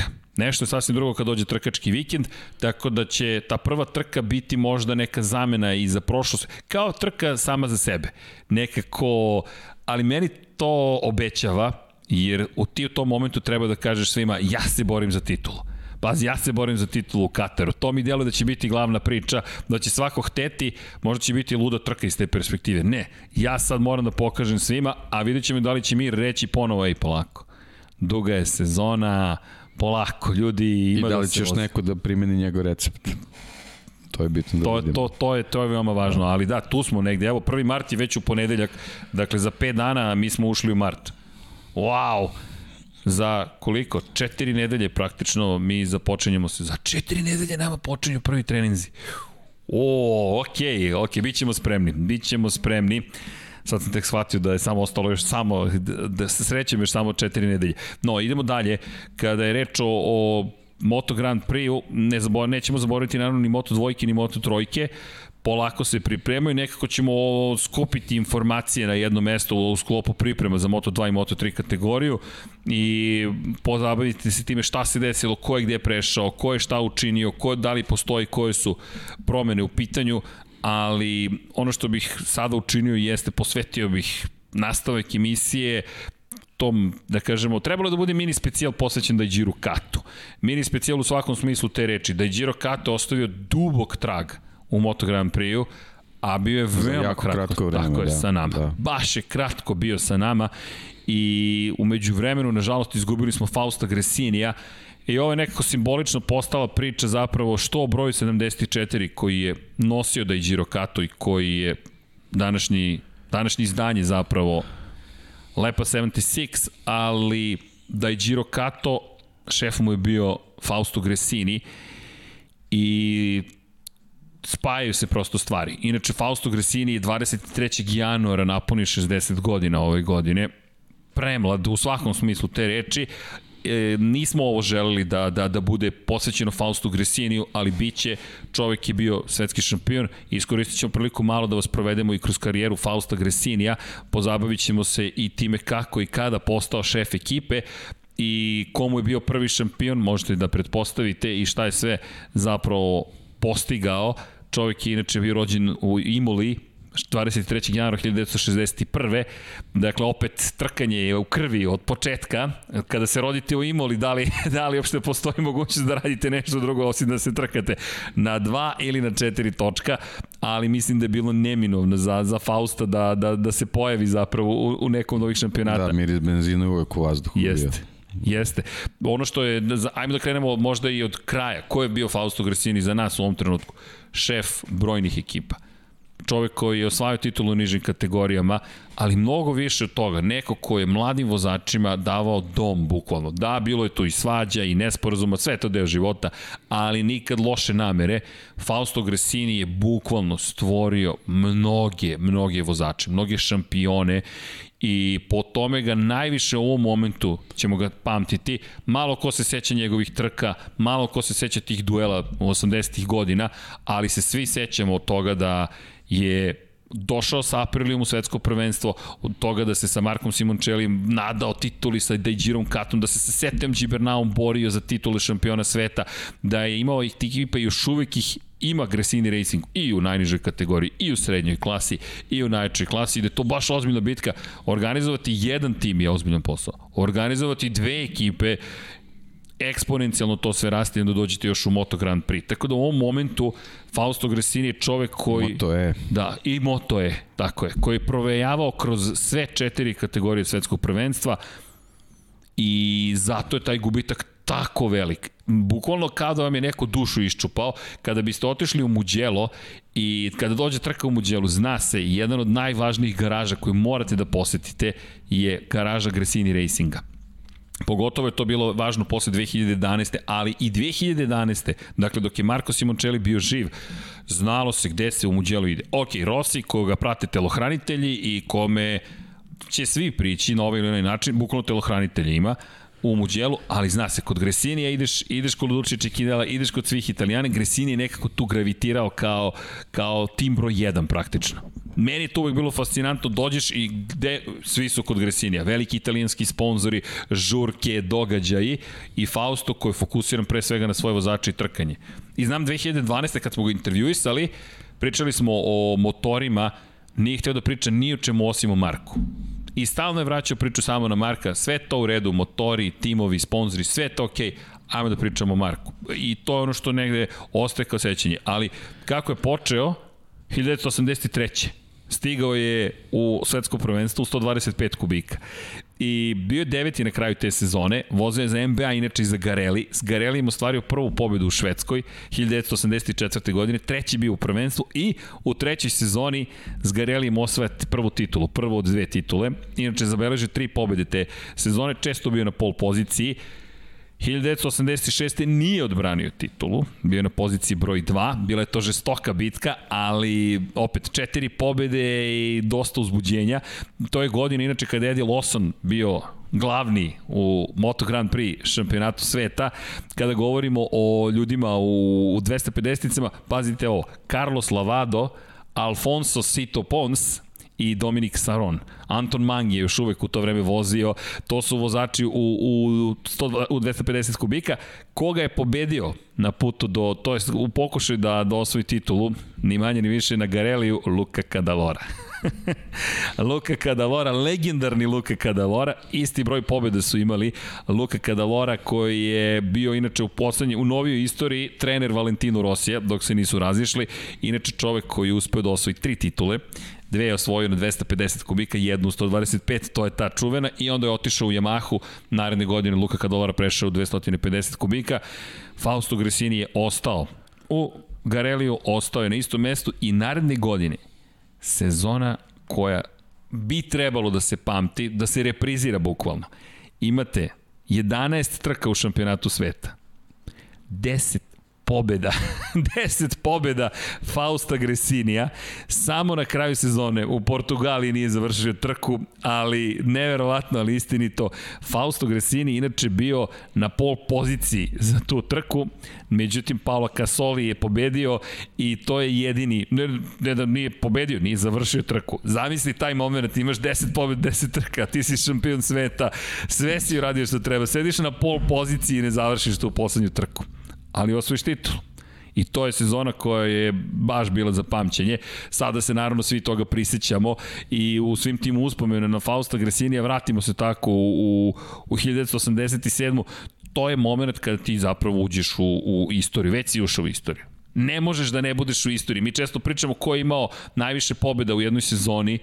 Nepravedno smo često, ja sam zaboravljao Fausta Gresinija, da je čovjek eto imao 10 pobeda u 10 trka, 10 uku na kraju ukupno 11, Rossi ih ima 11, 10 ih i po 10 Mark Marquez i Joan Mir. Pazi, mi sve govorimo o šampionima Moto da. Grand Prix klase. Da.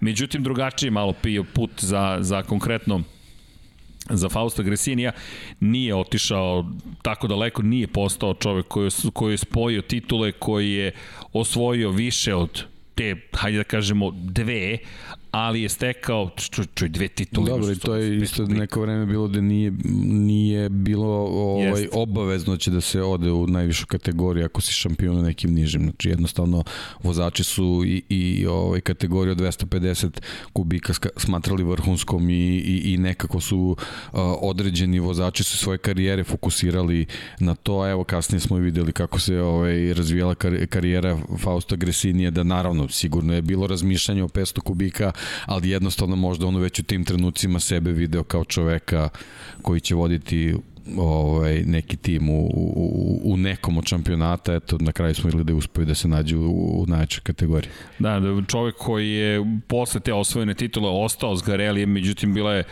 teška sezona u 1988. konkretno, je baš je bila teška sezona, opet u 125 kubika je ostao, međutim ostao prešao u Apriliju, pa potom u Hondu, dugo nije ostvario novu pobedu, sve do 1991. godine kada je sa Hondom zabeležio dve pobede te sezone, bio je na pol poziciji u svojoj rodnoj Italiji, vice šampion bio te sezone, naredne sa Hondom ponovo vice šampion, 93. 94. već je karijera bila na kraju i čovek koji se oprostio 94. od aktivnog trkanja, međutim... Ali treba spomenuti tu vezu sa Hondom. Da, to je, to, to, to, to je verovatno jako važna stvar. Sa Hondom. Da, da, završio karijeru sa Hondom i prešao u neku drugu ulogu. Čovek koji je formirao tim, koji je, eto, sticam okolnosti, šta, šta ti je život nekako, je došao do svoje titul inače nije odmah formirao tim. 1997. godine je formirana prva ekipa njegova, ali 2001. godine da je Giro Kato i fenomenalni Fausto Gresini na vrhu sveta i to na kakav način. Da je Giro Kato, to nam je uvod, međutim u celu isprepletana je priča, kažemo, pozabavit ćemo se, možda vidjet ćemo, da vidjet ću, moram ti priznati da li Dorna može da nam možda da neku trku iz tog perioda 125 kubika, možda neki podsjetnik kako su vozili u to vreme, kako su izgledali motori. Pazi, to je vreme, on je vozio protiv Angela Nijeta, između ostalog. Pa, e, sva imena koje si naveo kroz, uh, kroz priču o njegovoj trkačkoj karijeri, a a sve ovo što navodimo ovaj vezano za, za detalje iz, iz Moto Grand Prix priče i njegovi timovi vidiš u stvari koliko je koliko se on upleo u DNK Moto Grand Prix šampionata. Kroz sve, kroz sve kategorije uh, vezano za, za svaki segment, svaku aktivnost, koliko je u stvari Fausto Gresini bitan ovaj, za, za sam razvoj Moto Grand Prix, ne samo za sadašnji trenutak, nego za nešto što je trebalo da, da dođe u budućnosti, u stvari vidiš kako je viziju imao, bukvalno od, od, od, od prvog trenutka, od kad je ovaj, odlučio da se nađe na, na, na poziciji menadžera sve ono što je što je uradio ovaj kroz trkačku karijeru, svoje iskustvo koje je stekao, pretočio je u u, u menadžment ekipe i jednostavno se vidi sa godinama koliko je ovaj koliko je napredovao, a sama a, samo angažovanje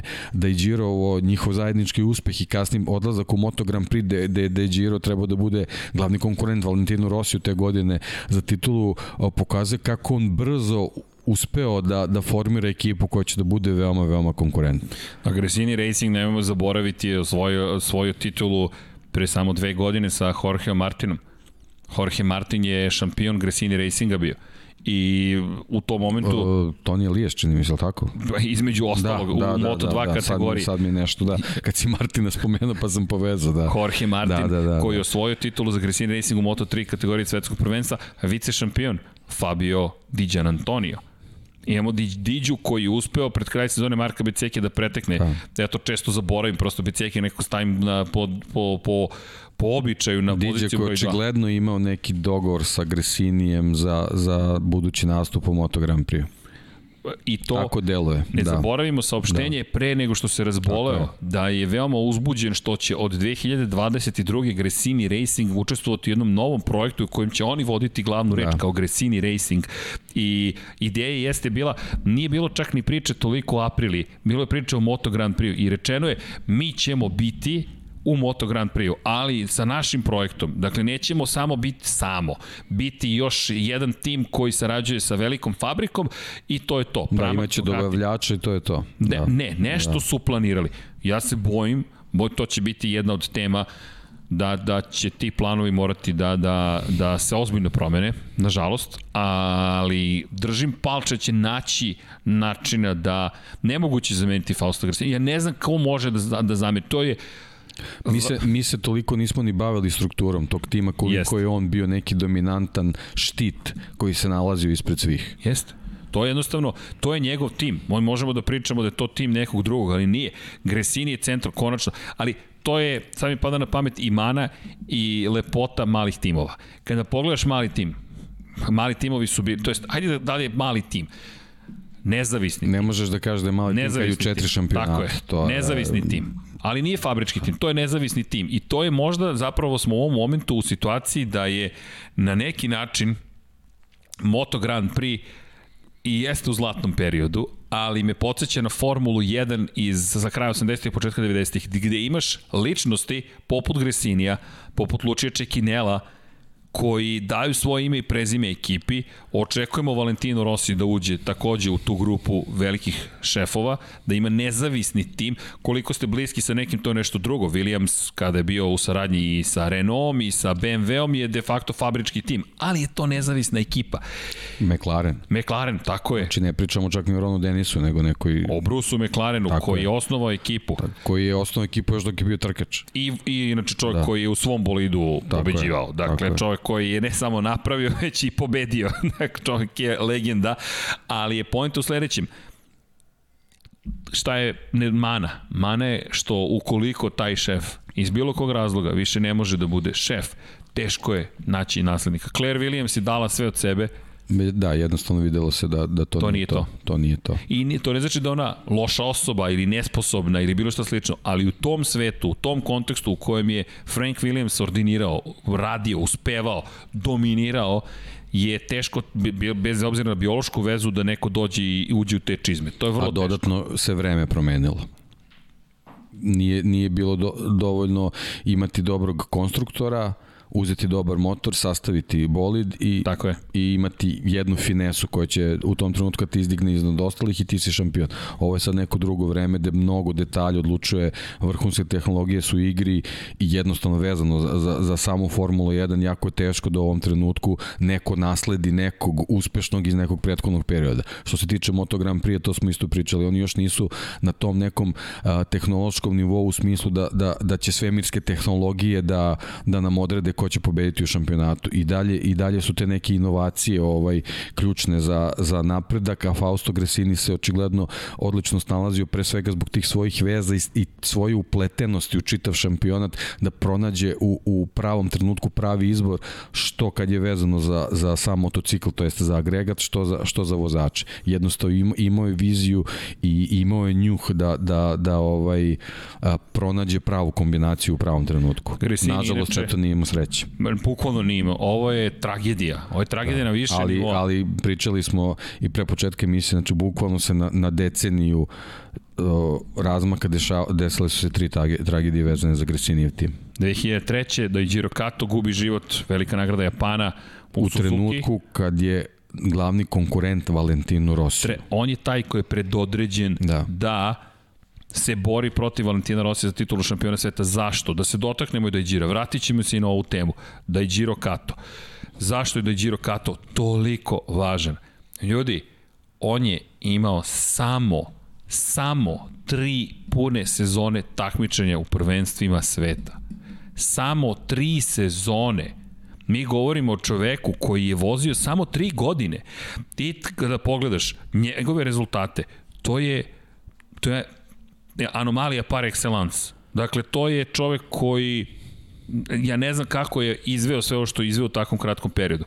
53 trke je odvezao. 17 pobjeda, na 11... Na trećini je pobedio. Na trećini, pri čemu 27 plasmana na polovini, na polovini ima podio. Više od polovine, da, dakle da, malo da. preko pola. 11 pol pozicija, 11 najbržih krugova. Sezone u kojima je vozio pune godine, 2000 u 250 kubika, sve na Hondi. Hondin čovek od, od glave do pete, bukvalno, kao da izašao iz fabrike Honde. 2001. godine, Honda 250 kubika, to je druga puna sezona, inače treći je bio u debitanskoj sezoni u svetskom prvenstvu, 259 poena, 322 poena naredne godine i titula osvojena.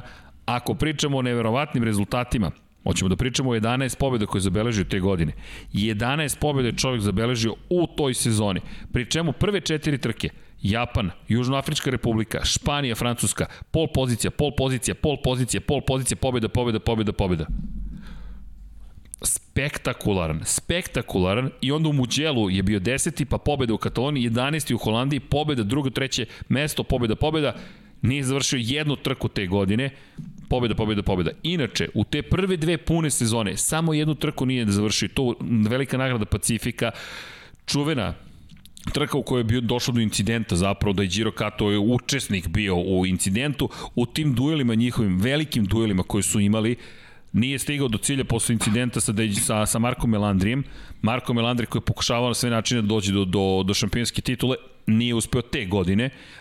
Da je Giro Kato, bez obzira na sve to, u nastavku sezone obrisao konkurenciju još tri pobede. Prelazi u Moto Grand Prix. Pazite, mi govorimo o Hondinom čoveku. U tom momentu, to je već 2002. To je sada već godina u kojoj se prelazi na četvorotakne motore. Ko je najveća zvezda tog šampionata? Valentino Rossi. Valentino Rossi vozi za fabrički tim Honda u tom trenutku, dobija RC 211V. Da se vratimo na početak današnjih razgovora, da se, da se vratimo na početak, da bacimo pogled još jednom na šta? Na motocikl koji je direktni naslednik tog motora. Mi sada govorimo o tome. RC 213V Honda, da podsjetimo, to volim da podsjećam, ko zna, možda je neko prvi put sa nama, je treći, treća verzija Honda konceptualno u 21. veku. Zato se zove 213V. V zato što je motor u V rasporedu. Dakle, 21. vek, treće izdanje V. Ako možemo bacimo pogled ponovo na tu Repsol Hondu, ovo je ta Honda. E tako je slično izgledala pre 20 godina, tačnije 19 godina, kada je osvanula RC 211V, petocilindrična Honda. Stojim i dalje pri tome da je to najkompletniji motocikl koji se ikada, ikada, ikada pojavio na ikada, dakle na, na, na stazama sveta i to je motocikl koji je stvoren da donosi pobede. Da je Giro Kato ga nije dobio do 10. trke te sezone. Da je Giro Kato je prvih 9 trka vozio na dvotaknoj mašini. Što je opet zahtevno. Prvi prvi put kada je seo na RC 211V, pozicija broj 2. Pozicija broj 2. Dakle, mi govorimo o tome da je čovjek bio na poziciji broj 2. Ko je, da li treba da, da, da, da, da pričamo o tome ko je bio gospodar, da ponovimo Valentino Rossi, ali I kakva je konkurencija bila? Alex Baroš je bio taj koji je u drugoj ekipi, pazi sad to je zanimljivo. U tom momentu Fausto Grecini kao šef ekipe se takmiči s kim? Sa Sitom Ponsom, da se vratimo da se vratimo u prošlost. To su ljudi koji su delili na neki način stazu ne i kategoriju 80-ih godina. 2002. West Honda Pons, kao da je McLaren Mercedes neko uzeo i ispakovao ga u, u motocikl, stavio na stazu. To je taj period. Mi imamo u tom momentu Ponsa koji lobira kod Honda da mu da, da RC211V. Imamo Gresinija. Gresini ima Adut zove se i preziva Daijiro Kato. I osvojili su titulu godinu ranije zajedno u najnižoj kategoriji. U tom momentu, inače... A ima i svoju, svoju istoriju sa Hondom. Ima svoju istoriju sa Hondom. Ozbiljnu Hondu i Japanac je nemate više šta da tražite. Mi sada govorimo o čoveku koji mora da dobije RC211V. Inače, u to vreme Toru Ukava je bio drugi vozač Repsol Honda. Japanci su dobili svog čoveka, ali Ukava, na, bez obzira i na pobedu u drugoj, treće sezone i na broj na druga, treće mesta, nije mogao da bude taj koji će da se nosi s Valentinom Rosim. Zato je da je Giro Kato bio taj kod koga se očekivalo mnogo. Problem je nastao upravo u tom periodu kada je seo na RC 211V tri puta nije završio trku za redom. Ako se vratimo na početak karijere, Daijiro je bio neprikosnoveno precizan. Čovek je bio mašina, bukvalno. Kada sedne na motocikl, to je preciznost kakva se nije viđala. I mi sada govorimo o čemu? O tome da taj čovek koji bi trebalo da bude savršen, počinje da pravi ozbiljne greške. Počinje da pravi greške, U Maleziji bio peti, u Australiji četvrti, u Valenciji četvrti. To je već sada vraćaš se polako tamo gde bi trebalo. Ali, pošto ga posmatramo drugačije, da i Giro je bio pod ogromnim pritiskom. Kato je bio pod ogromnim pritiskom, to se često zaboravlja. To je čovek koji je trebalo da izdominira, inače u trećoj trci u karijeri na motoru od 500 kubika u Herezu, čovek je bio na poziciji broj 2 se popeo na pobjedičko I nevezano samo za, za priču o stazi, uh, vrtoglavi rast popularnosti iz trke u trku, Jeste. bukvalno. Jeste. Da i Giro je imao to nešto u sebi. Neko je rekao kao da posmatrate strip. Jeste. A, kao da bukvalno da izgledao strip. kao junak iz stripa Jeste. japanskog. Da. Jeste. Da i Giro je baš da. bio, kažeš sebi, ok, ko je sad ovaj momak? Pa vidi, taj momak je neko ko će osvojiti svet. To je bila poruka. Pa od, od, od japanskih uh, motociklista koji su se kasnije pojavili, nažalost, Shoya Tomizawa je podsjetio na na ovaj, da i džira u smislu te neke popularnosti koji, koji je stisao, sticao na taj pozitivan način da je, da je jednostavno bio toliko simpatičan da, da, da, da su svi počeli da ga prate. Bukvalno se to je dešavalo iz Daijirom, a, a Daijiro je u tom trenutku već imaju odlične rezultate imaju ozbiljne rezultate. Kada pogledaš, gledaš drugo mesto, on u trećoj trci i pritom ono što je bilo važno, vratit ću se na trenutak na početak njegove karijere, čisto poređenje radi, nije ostvario pobedu, to jest plasman u Japanu. Japan, Suzuka, ta, o, ta odsudna staza, ta, ta, ta staza na koju izgubio život, deseta pozicija u prvoj trci u karijeri u Moto Grand Prix. Ali, kako počinje njegova karijera, iako su te pune sezone, 2000. 2001. i eto 2002. na kraju, 1996. Dolazimo u Japan, to je treća trka sezone posle Malezije i Indonezije, 250 kubika, Honda, O kojoj godini mi pričamo? Mi pričamo o godini u kojoj su trke 250 kubika bile kao danas Moto Grand Prix. Mi govorimo o periodu kada, ako izađete na stazu, a ne prezivate se Bjađi Valdman ili Žak, nemate šta da tražite na toj stazi. Bukvalno nemate šta da tražite na toj stazi gde, gde, gde, gde Cuja Harada je tu, ali teško izdržati do kraja sezone. Max Bjađi, ne zaboravimo, četiri titule šampiona sveta osvojio. Ralf Waldman, dva puta je bio vice šampion. Ralf Waldman koji je izgubio to titulu, a to je agonija.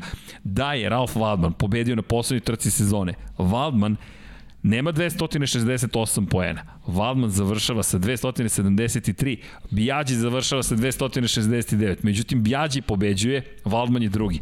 Olivier Žak inače bio treći, zato kažemo, to je godina kada je možda bilo i najljepše trkanje u 250 kubika, možda je čak naredna godina bila još bolja, kada je Bjađi inače sa Aprilijom sve osvajao, I evo, čisto da vidite kako se ljudima događaju stalno iste stvari. Onda su Bjađi optužili da on ne može da pobedi na drugom motociklu, da je njemu lako. Zašto? Zato što on ima Apriliju. Čekajte, to je priča koja je toliko puta ispričana da je, da je postala da je postala smešna. Ali čisto da, da zaključimo, da ne zaboravimo šta je Max Bjađi učinio onda, seo je na Hondu i naredne godine učinio šta?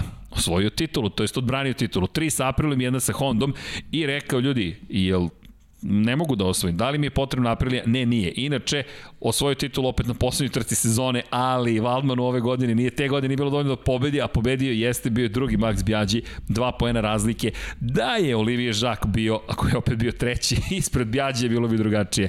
Ali Waldman je zapravo titul izgubio kada je bio sedmi u Indoneziji, trku pre toga. No, da se vratimo mi na Dejđira Kata, 96. To su ti ljudi, Žak, Harada, Bjađi, Waldman, Waldman koga, nažalost, smo takođe izgubili pre nekoliko godina, srčanu udar je, je, je nažalost bio taj koji je okončao njegov život. Da, po, da, da pozdravim ekipu Pop TV-a iz Slovenije. Zašto? Vozili su sa Waldmanom kartingi u Barceloni kada smo bili pre 4 ili 5 godina, ne mogu da setim, ili 3 možda godine, ne mogu da setim koje godine, 2016. 5 godina, i neko takmičenje je organizovao Monster, ajmo da vozimo kartinge, ja sa svojih stotinjak kila bio sam snažno pojačanje ekipi u kartingu, vadim se na kilažu. Dobar balast. Da, da ba, dolazi i stoji pored nas u garaži, pored, i ekipa iz Pop TV-a, mi se pozdravimo, dolazi neko u odelu koji jedva zakopčava, malo je vremešniji u tom momentu, Ralf Walban.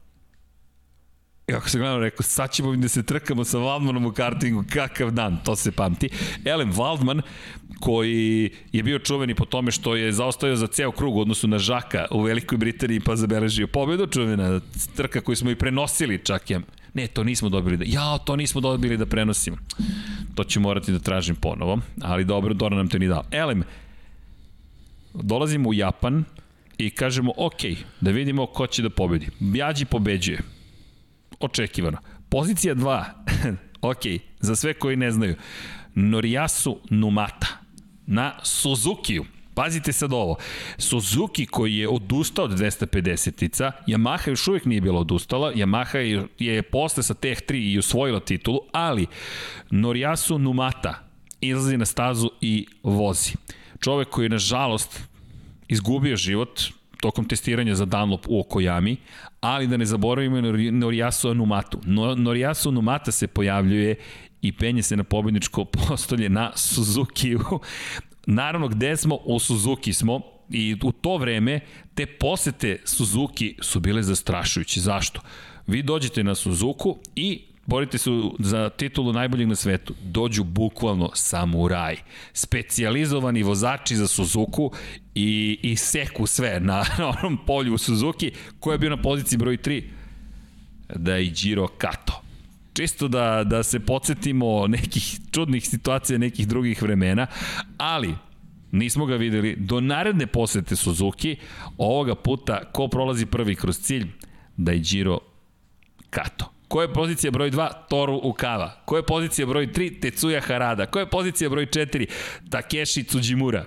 Čisto da se podsjetimo i toga na TSR Hondi, Ralf Waldman, prvi nejapanski vozač na poziciji broj 5, Yukio Kagayama je šesti, Max Bjađi je tek sedmi, 27 sekundi iza Daijira Kata, Haruchika Oki, Noriyasu Numata, da ne zaboravimo, Naoki Matsudo. To je vodećih 10. Osam Japanaca među vodećih 10. ja dođeš u Suzuki i kažeš predajem se, u redu, ja se predajem. I to je, to je nešto što, za čim moram priznati i patimo pomalo, da dođeš, ne znam, na Tajland i da dođe tajlandski vozači i kažem čekajte momci, mi, mi buriram, mi to, to znamo, to vozimo svaki dan. E, Kato je tu ozbiljno skrenuo pažnju na sebe i okej, okay, pobedio si jednom, ti si specijalista za Japan. Dođe 1998.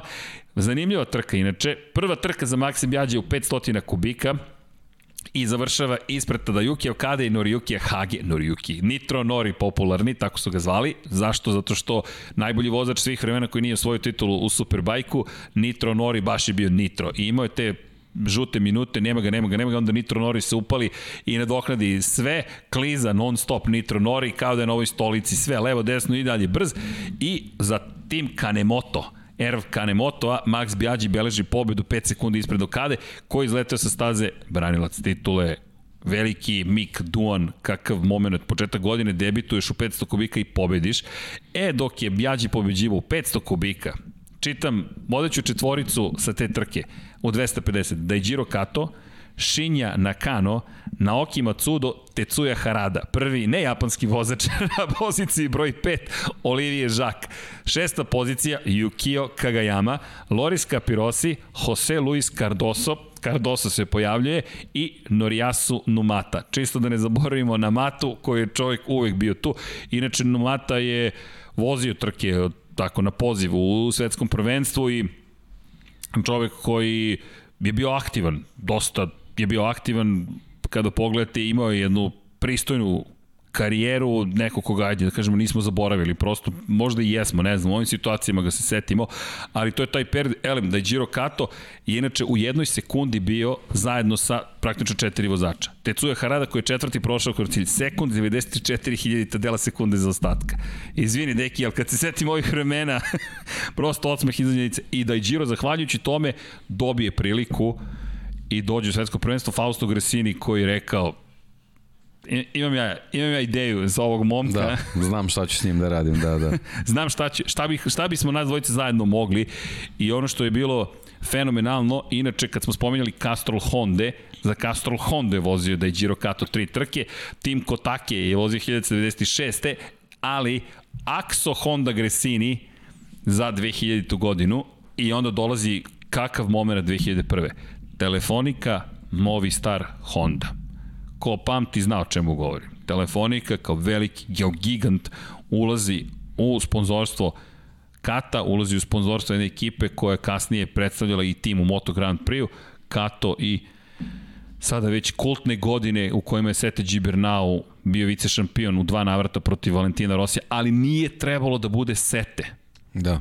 Da, sve sve je bilo planirano za Dajđira, ali eto, u toj nesreći, u toj tragediji ovaj, se možda pokazali veličina ovaj, Fausta Gresinije koji je bukvalno sve snage preorijentisao na, na Setea koji do tad nije jednostavno nije nije pokazivao da ima potencijal da može da se bori za sam vrh, ali bukvalno je od sledeće trke ovaj kad je kad je ekipa na, nastupila, kad je kad je sete na kombinezonu nosio onaj mali 74. broj 74, bukvalno tog trenutka je postao drugi vozač bolji kao da kao da je, da je, da je, da je čitava duh i čitava duša da je Đira došla u seta i pomogla mu u stvari da bude i bolji ne, ne, nego što je bio. Jednostavno neverovatna transformacija se desila. Mislim pokazivao je onu u, u, u sezonama pre toga da, da ima neki potencijal, ali jednostavno te godine od, od, od odlaska da Đira je, je potpuno eksplodirao.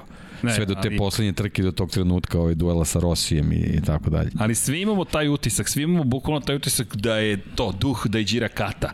To da čovjek i kada je stao na pobjedničko postoje, kada se popeo na prvu poziciju sete, pokazuje na broj 74 i na nebo, i u tom momentu nikom nije smetalo, to smo i rekli, ni Rosiju nikome. E, kada je pobedio drugi put za redom, onda je Rosiju e, rekao, čekaj, da. čekaj, čekaj, da. prijatelju, nismo da. se tako dogovorili.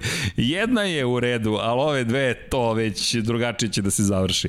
I, i jeste fascinantno sve kako se to desilo i opet dolazimo do Fausta, kao što si rekao, sve što je učinio posle i prebroditi takav gubitak. Jer, ajde da se vratimo na Dejđira Kat. Pripremaš se za specijal i kažeš šta ti možeš da kažeš za Dejđira Kat Čovjek je vozio tri pune sezone. Čovjek je vozio tri pune sezone. Ne više od toga. A ostavio je trag takav da mi danas, 20 godina kasnije, pričamo o njemu.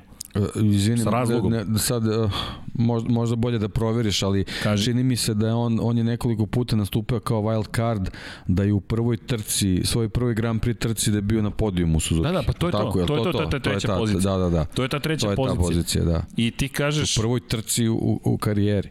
Mislim, to je stvarno ovaj, jednostavno svakim nastupom je pokazivao koliki je potencijal. I nešto, nešto drugačije. kao Abe, kao, kao te, teško je sad recimo taku, na primjer, svrstati u tu kategoriju. Jednostavno nije, pokazuje to da imate neke slabosti da, da ovaj, uh, popušta pod pritiskom, ali, ali da je Giro jednako, jednostavno je bio superstar. To, to, to se videlo u svakom njegov nastup i njegova pojava, uh, taj, taj simpatičan lik, uh, beskompromisni nastup, ta vožnja, to je, to je jednostavno ovaj, u, u, u svakom segmentu se videlo da, da, je, da je jednostavno pred njim zaista bila velika karijera. Meni je to, moram da ti priznam da je meni ko zna to, Honda kakve sve planove imala s njim. To je, to je period da, kaubojštine. Da. Zašto kažem da. kaubojštine? Ljudi, to je divlji zapad u tom momentu. To je ko će prvi da zabode zastavu, da osvoji teren, ko će da se pojavi gde. Mi pričamo o, u kojoj bici. Ti se sa Ponsom rveš da dobiješ podršku Honda. Boriš se za sponzore. Kome će Telefonika, kome će Fortuna, kome će da, da priđe, priđe neki drugi sponsor. Repsol koji je, nije hteo odmah da sarađuje sa Rosim. Ne, ne, Nastro Azuro. Mi imamo fabrički tim. Ej, čekaj, čekaj, čekaj dečki, daj, daj sad, dovedi ti sad Rosija u Repsolove boje. U tom momentu Ali se boriš... Ali ni tad Honda nije bio problem napraviti četiri fabričke ok, Yamaha, da, te, te, pa da, teško da možemo da, da uslovno rečeno oprostimo, zaista je, zaista je nekako neprihvatljivo, ali da bacimo pogled na jedan lep kadar, ja se nadam da, da ga imamo. E, ok, da li ovo govori dovoljno, iako su ovo stare fotografije, iako ovde govorimo o periodu kada, jel te, 4-3 su bili odnosi na ekranima, nije bilo 16-9, nije bilo Full HD.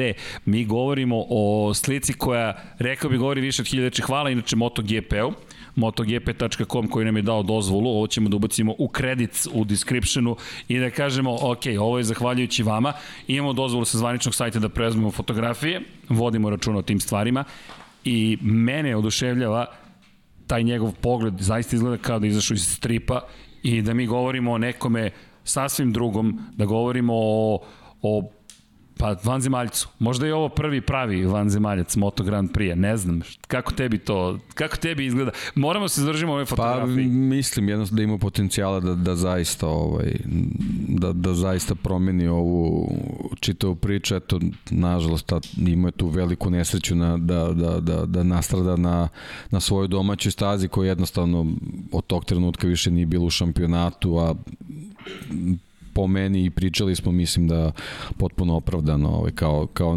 nekoliko drugih staza koje jednostavno nisu nisu napravljene da budu u toj priči. Eto, nažalost, da, da, da, da je bila već sezona be, bez Suzuki, možda bismo i dalje imali uh, ovde, ali i, i, i ko zna sa kojim sve rezultatima, ali, Ma. ali da, u pravu si, on je bio jedan od onih koji treba da se nađe u toj grupi vanzemaljaca, posebno što je bio iz Japana, iz, ne, iz neke druge priče, iz nekog drugog podneblja.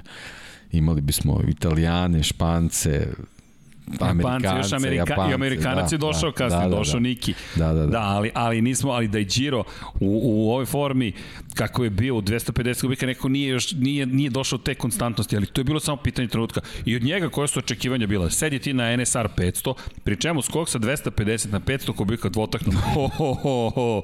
To je kao da si sa Moto 3, ne na da. Moto Grand Prix skoči, ne, ne, to je kao da si... Od... Si zajehao raketu. Bukvalno, Bukvalno. ali i možda... Ali divlju, iako koju ne možeš da kontrolišeš. E, to, e, da, sa smo, polomljenim krilcem.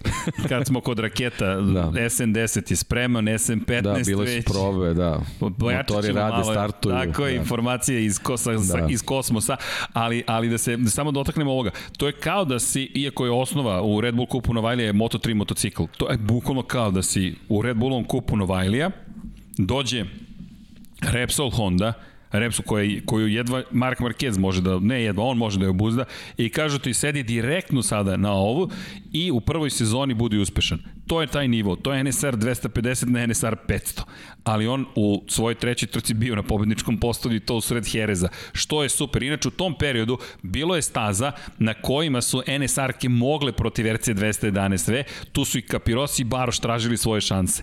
Ali, kao što si rekao, četiri motora je mogle Honda da proizvede, eto i to u sred sezone je uspelo da proizvede. Fenomenalan njen period iz te perspektive, nažalost, isečeni smo bukvalno bili 2003.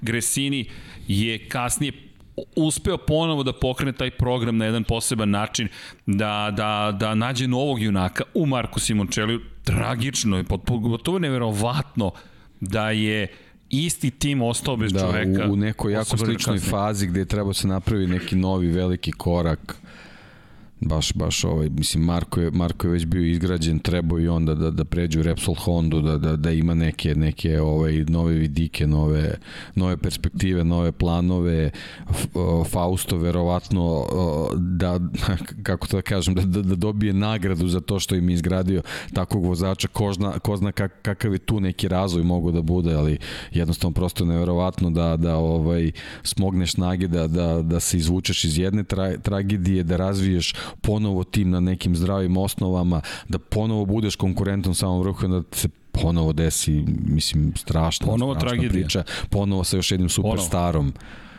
Znači sve... sve Što uticalo ovaj, i na ovaj, sponzore. Da, ne da. zaboravimo, Telefonika, da, imala je sete, a posle da. toga, ali opet... Da, to... to je bila nekako i sreće pošto je Španac bio u igri da. pa pa je ostao tu ali ali ovaj ali nije, to nije, nije to dugo trajalo nije to, to. da nije isto to se to. desilo sa sa San Carlom San Carlo koji je nastavio da podržava koliko je mogao ali San Carlo ljudski život je prva stvar, broj jedan. Međutim, govorimo i o tome kada izgubite nekog kako to utiče na neke druge aspekte. U ovom slučaju utiče na, na poslovanje koje opet utiče na živote onih ljudi koji su u ekipi. San Carlo imao ogromne planove za jednu takvu zvezdu. Zamislite jednu sportsku zvezdu kakav je Marko Simočeli koji vam reklamira grickalice. Pa ja ću da idem da gricam te gricalice, nema problema, šta god daje, u kom god obliku, dalje to flips neki, dalje Ma, to neki čips. Ma u tom trenutku godine kampanje su već bile spremne. To, sve je bilo spremno. Možda ćemo jednom saznati šta je, šta je sve bilo kao I ideja. I bele boje koji su im bili zaštitni da. znak, koje postoje crne boje, to je ogrom, to su, to su situacije koje imaju ogroman utjecaj na sve okolo. Gresini je i to prevazišao i sebe je izmislio kao fabričku ekipu, CRT period je preživeo. Nemojmo zaboraviti, Gresini se izgurao progurao i kroz CRT period. Pr, pr, jednostavno preživeli su. Da. On je definitivno disao taj, taj Moto Grand Prix sve i on je u svakom trenutku znao šta je pravi potez. Znao je da povuče ovaj, I, pravu slamku. I ne zaboravimo još jednu bitnu stvar. Rekli smo četiri šampionata, u pet šampionata nastupaju. Četiri su svetska ali u italijanskom šampionatu takođe sa svojim juniorskom da. timom prisutni. Pet timova. Inače, kada pogledate organizacijnu strukturu, ko je sada Ko je izvršni direktor? Massimo Rivola, izvršni direktor Aprilia Racinga. Taj tim je sada tek u čudnoj situaciji. Šta sada? Aprilia koja je rekla mi pravimo svoj novi tim. Šta sada?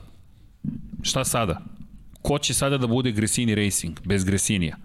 Da, ok, nije možda trenutak, ali da li postoji, mora sada već da se razmišlja o tome. Šta dalje za Gresini Racing? Ne može da dođe da. Srđan I ugovori, ili Dejan, ugovori kaže, moraju da se poštuju. Dalje. Tako je, ugovori moraš da ispoštuješ, a tebi je vodeća snaga nestala. I to je čovek koji je dočekivao svoje vozače, koji im je čestitao, pomagao im da, da prevaziđu teške situacije, podržava, meri to što je produžavao ugovor sa Gabrielom Rodrigom, je inspirativno. Ja moram da ja, ja imam otvorenu sumnju prema tome šta može Gabriel Rodrigo da postigne. Ali sam oduševljen empatijom, nije to samo pitanje sponzora, Gresini će naći sponzore, uvek će ih naći. Ali da on podrži Rodriga koji pada i pada i pada i kaže, ma ja i dalje verujem u tebe. Ko zna šta je Gresini doživio tokom svoje karijere, da kaže čekaj, ja ću te podržati još treću godinu za redom, nema veze na, za sve probleme, ok, idemo zajedno dalje. Ne znam, i vidjet ćemo da li će možda ova sezona biti za njegove vozače jedna inspiracija, sezona u Kalpom Gibernau. Da. Jer šta se desilo posle 2011. u Maleziji? U Valenciju stižemo pretužni svi ko pobeđuje. Pobeđuje čovek Gresini Racinga koji nikad više nije bio blizu pobede. Mi govorimo o triumfu koji se i dan danas pamti. Ti dođeš i kažeš čekaj, Gresini je pobedio. Nije bitno ko je vozač? Gresini je na vrhu sveta, Te Marko boje su tu, tako je, tako je. Opet, praktično, ista situacija koju smo imali sa, sa Dajđirom Katom i sa Setom Gibernau. Gde ti kažeš, wow, da li je ovo moguće? Da, i te kako je moguće. Ne, samo u ovoj, u ovoj situaciji ostaje nada jednostavno da, da, je, da je čitav njegov tim od njega naučio kako se, kako se ide napred, kako se uh, rukovodi ekipom, nedavno su se predstavili, imamo nove boje, sponzore, tako da ovaj, ja, se, ja se nadam da, da ova sezona može na, na tim krilima da bude sad za dalje, jednostavno ne, ne možemo znamo ni, ni kakve sve planove imao, kako će se razvijati ta čitava priča sa Aprilijom, Ovaj, ne, ne znam, mislim, mislim da je ovaj, sama ekipa je naravno ogroman, ogroman udarac ovaj, je dobila, ali mislim da je čitav ovaj, Moto Grand Prix svet zato što izgubio takvog, takvog menadžera kako je bio Fausto Gresini koji zaista znao, znao da doprinese razvoju Moto Grand Prix, ali da ga usmeri u, ovaj, u, u pravom smeru i Carmela Espeleta je upravo o tome i pričao, ovaj, pričao Gresiniju kao, kao velikom prijatelju, ali pre svega kao, kao jednom vrlo sposobnom menadžeru čiji su se ovaj saveti uvek slušali, čije su zapažanja uvek uz, uz, uzimano u razmatranje i između oslog je Moto Grand Prix tu gde je zato što jednostavno funkcioniše na taj način što, što se slušaju ljudi koji znaju kako to treba da funkcioniše. Ima... I u toj, toj čitavi priči, zato smo ispominjali i situaciju sa, sa Suzukijem koji je ostao bez, bez Brivija, ovaj, koji je otišao, eto, ispostavi se prilično neočekivano u Formula 1, znači mi smo u jako kratkom pe, pe, periodu ostali bez, bez dva izuzetno bitna menadžera u Moto Grand Prix i sad je zaista veliko pitanje da li moguće pronaći dve osobe koji će se naći na njihovim mestima da, da Moto Grand Prix u nekom, nekom kratkoročnom periodu nastavi ovaj, u nekom dobrom smeru gde imamo a, a, praktično čitav grid vozača koji su konkurentni za pobjede. Evo, čitam ti neka od imena ja ih ne znam napamet. Neko od njih znamo, pro, prosto nam je poslao. Carlo Merlini, Paolo Bonora, Giovanni Matarola, Michele Massini, Flavio La Salandra, Francesco Beze, Paolo Pecini, Andrea Zocarto, Zocarto, Massimo Menegin, da li Giuseppe Busato, da li neko zna za njih? To su sve članovi, neki od iskusnih članova ekipe Fausta Gresinija. Zašto je taj pojedinac tako važan? Opet ta priča o nezavisnim timovima. Repsol Honda je korporativni entitet. To je Repsol Honda. HRC, da ne želim da se ikako to desi, da izgubi šefa, dolazi druga osoba iz korporacije koja će zuzeti tu poziciju. I popunjava strukturu. Tako je. I struktura je da. tu. Korporativna je. Identitet leži u korporaciji. Kako ti da popuniš mesto? Potpis, funkcija je team manager menadžer ekipe, ali to je Fausto Gresini. Romano Albesiano, on je zvanično menadžer za trkanje, tehnički direktor de facto i izvršni direktor Apple Massimo Rivola. To su tri poznata imena na Keca, pitanje da li bi neko znao baš i za Rivolu, bez obzira na iskustvo iz Ferrarija, za Albesijana, oni koji vole tehniku, ali kažeš Gresini, to je to. To je Gresini to. čovjek koji je 24 sata u čitovi priči. Živeo trkanje. Čovjek, to je, to je trkanje. ovaj, ta možda neka razlika koja... Nije mu to plata. Da, da. Nije, to, to, to plata, to, to mu nije plata. To mu je život. To mu je život. Da. To je bukvalno život. I, I to je ogroman udarac. Lepo si rekao, ne znam kako, kako nadoknaditi Ne postoji mogućnost. Ja, ja je, nažalost, ne vidim jedino da se korporatizuje Gresini Racing, pitanje koja je tu sad struktura. Ko će tu da se sad, ko će da priča sa sponzorima, jer prilično sam siguran da je Gresini ima ogroman utjecaj kod sponzora to je osoba s kojom ti želiš na ručak da odeš, to je osoba s kojom želiš da popiješ kafu, to je osoba Ma, s kojom želiš da ideš ekipe vidi se samo, samo da. kad se pogledaju njegovi motocikli kako izgledaju, oni su, oni su izgledali jednostavno kao fabrički motocikli. Jesu. On je taj deo tako, posla je znao. Tako da to, to je jed, samo jedan segment koji je očigledno radio veoma uspešno. Kao Jorge Martinez za Spar, a Spar koji se preslači u zavisnosti od toga koja se trka vozi u druge korporativne boje, drugih sponzora. Bela majica, crvena majica za Moto3, bela majica za Moto2 i ne znam, plava majica za Moto Grand Prix. Ali je svaka ekipa tip top i, je. i spremna za maksimalne domete, tako da ne znam. Težak, težak posao. Je težak posao. Inače, sad kad smo spominjali Valenciju 2011 Michele Piro koji je zabeležio tu pobedu i pamti se po tome, ali Maverick Vinales je inače slavio u, dve, u Moto3 kategoriji, to je u 125 kubika, poslednji pobednik u 125, ali analizirajući tu godinu, zapravo i presjećajući se tih momenta, tih simbola, moram ti priznati se da, da, da sam zaboravio bio da je Casey Stoner pobedio, iako je bio na poziciji broj 2 na izlasku iz poslednje krivine, Ben Spies je izašao kao prvi iz poslednje krivine. Na Yamahi koja je imala posebne crveno-bele boje, izgubio je to trku na kraju 15.000 tih delova sekunde ispred njega, zahvaljujući savetrini i boljem ubrzanju Honda, beleži pobedu, inače veliki šef Yamahe je u to vreme bio prisutan u garaži, to je morate mi da se zaboravio, ali tako, kako se tako neke stvari desi, Casey kome mnogo značilo da zabeleži tu pobedu, čovek koji je zahvaljujući uh, Nažalost, ta tragedija sa Markom Simončeli uticala i na taj način i Casey je rekao u intervju koji smo imali 2012. baš smo ponosni na taj intervju, mi nismo ovde da bismo ginuli za druge, mi ne treba da budemo ta vrsta cirkusa i to je uticalo na njega da se on povuče, da se penzioniše već u Lemanu naredne godine. Ali Casey zabeleže pobedu i mnogo mu je značila ta pobeda. Stoner koji je zapravo jedan veliki emotivac, suštinski. I tako, Fausto Gresini. Nemamo više Gresinija, ali svakako njegov legat, zaveštanje njegovo će ostati tu. Mi se nadamo da će nekim čudom, kao Snipers koji je uspeo da prevaziđe nestanak svog osnivača, da će nekako i Gresini Racing, ali neko tu sada, ja jedino što vidim da bi Aprilia tu mogla da odigra važnu ulogu, ali pitanje je koliko se to poklapa ali kažem, jako je, jako je važno, ovaj, naravno uvek postoji mogućnost da se to sve revidira, kakvi su ugovori pripremljeni sa Moto Grand Prix. To je ovo sad što pričamo, ovo produžavanje ovaj, vernosti, saradnje, sad, sad sve zavisi kako, kakvi su aprilini planovi ovaj, vezani za to, tako da Vidjet ćemo. Vidjet ćemo, ali, ali u svakom slučaju neplanirana situacija koja mal, malo remeti jedan dobar poredak koji smo imali u Moto Grand Prix. Da, i kada je reč o, o, o, o Dajđiru Katu, kažemo, nažalost nema mnogo toga što možete da pričate o istorijatu kada je reč o Dejđiru Katu. Dodao bih još jednu anegdotu, čovek je znao da spava pred izlazak na stazu. Da, ima, bukvalno, ima dosta fotografije, da, da. kako da. spava. Ne šalimo se kada to kažemo i nije glumio spavanje. Ne, da i Giro bi zaspao u stolici, u ovakvoj stolici, trkačkoj stolici, bi zaspao u garaži, čak nisu bile ni ovoliko udobne, sedne čovjek i spava i pred kvalifikacije dođu i bude da i Gira, hajmo da Gira, vreme je da ustaneš, on ustane, bukvalno se probudi, power nap je pretpostavljam bio u pitanju, sedne na motocikl, pol pozicija. Hvala lepo, rođen sam da se ovim bavim, bukvalno. Tako da da i Gira Kata po tom pitanju baš po tako nekim situacijama pamtimo.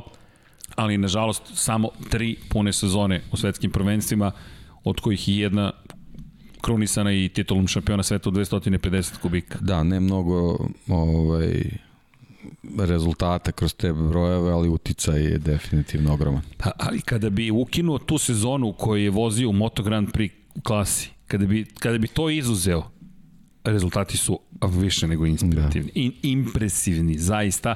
Ta sezona nekako je ona sezona koja ti pokvari uslovno rečenu statistiku, ali da je nastavio da vozi i da dobija, a verujem da bi dobio tu podršku koju je imao iz Honda, mislim da bi statistika dosta drugačije izgledala. Tih 16 trka, ukoliko mu oduzmiš, koliko ima 53, dakle 36 trka, da se 37 oprostite trka, 17 pobjeda u 37 trka, pa i nije, i nije tako loše.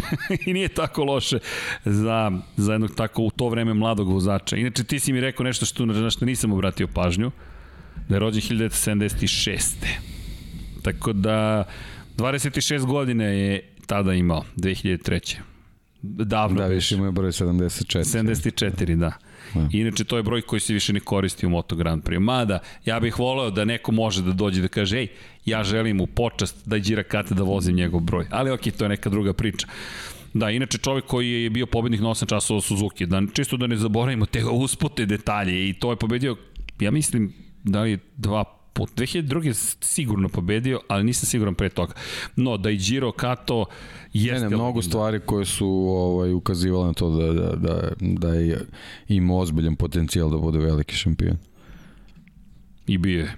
Da. I, i mislim da je da. čak nekako zauzeo mesto koje nije zasnovano na To jest jesu rezultati u tom datom trenutku, ali, ali nisu nisu presudni. Da, nisu, nisu presudni, nisu napred. Pa isto kao ko, kod Simončelija, mislim ruku na srce, ovaj kad se pogleda ta neka njegova Moto Grand Prix karijera, nije to sad nešto bilo toliko impresivno, ali jednostavno to je ta neka Osvoji harizma koja koja osvoji srca i i, i ona vodi za dalje, ali eto, nažalost, tragedije su prekinule celu nažalost. priču. Da. da, mnogi japanski vozači su tako završili. Norifume Abe takođe čovjek koji je poginuo pošto je kamionđija rešio da, da vozač kamiona rešio da na nedozvoljeno mesto napravi polukružno i nije video motocikl koji dolazi.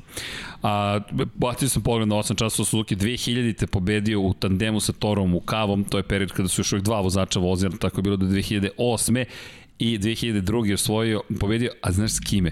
S Colinom Edwardsom kakav tandem. Colin Edwards koji je sezonu ranije pobedio ne, sa Valentinom znači, on je bukvalno od samih početaka bio u visokom društvu. Da. To je jednostavno To je, to je ta njegova harizma, taj, taj, taj imidž i rating koji je, koji je ne mogu da kažem da je gajio, on je verovatno možda i sam bio nesvestan toga koliko je ovaj, koliko je poznat i dobar, ali, ali ovaj, jednostavno bilo mu je suđeno da bude velika zvezda, ali nažalost.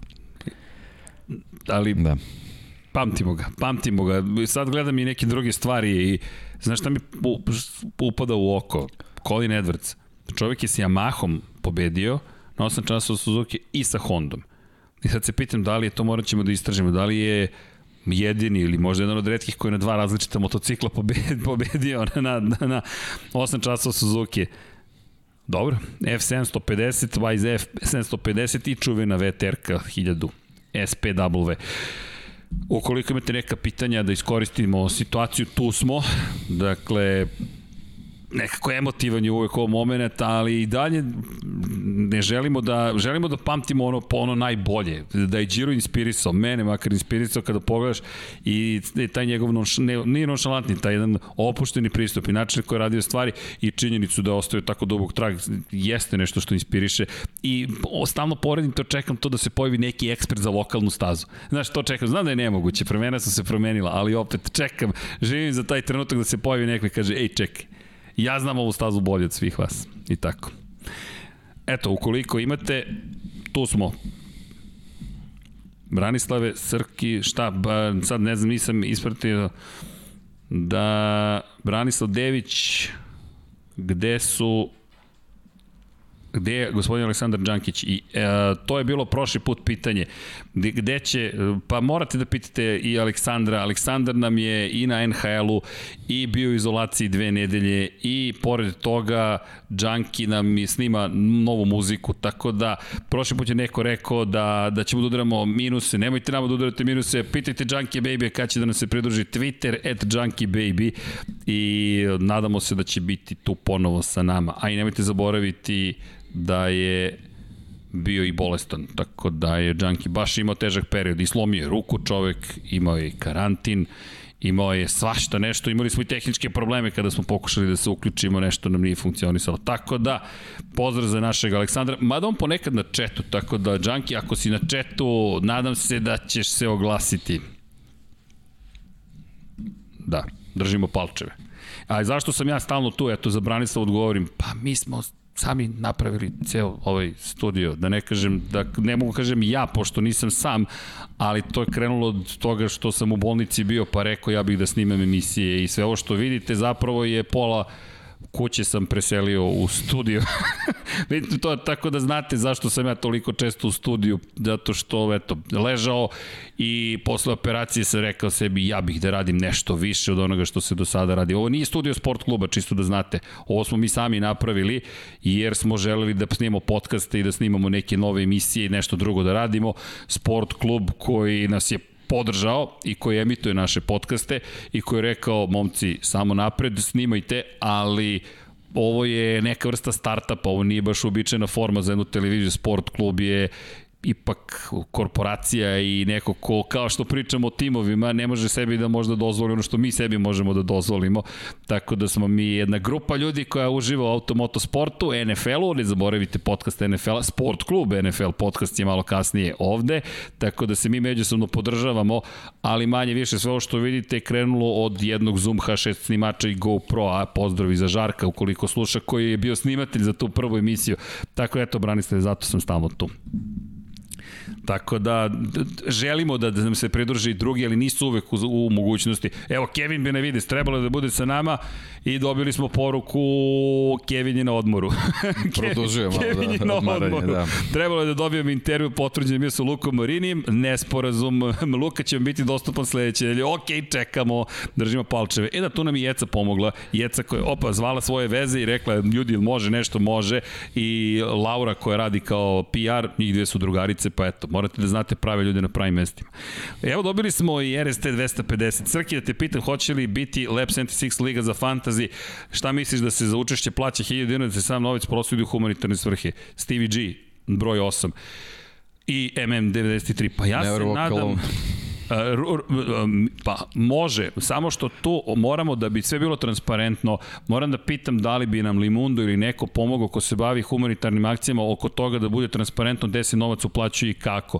Jer to vam je pitanje zakona u velikoj meri. Ako kažem, evo, pretpostavka, dođe 1000 dinara po čoveku, 200 ljudi se prije, to je 200.000 dinara. Ko čuva tih 200.000 dinara?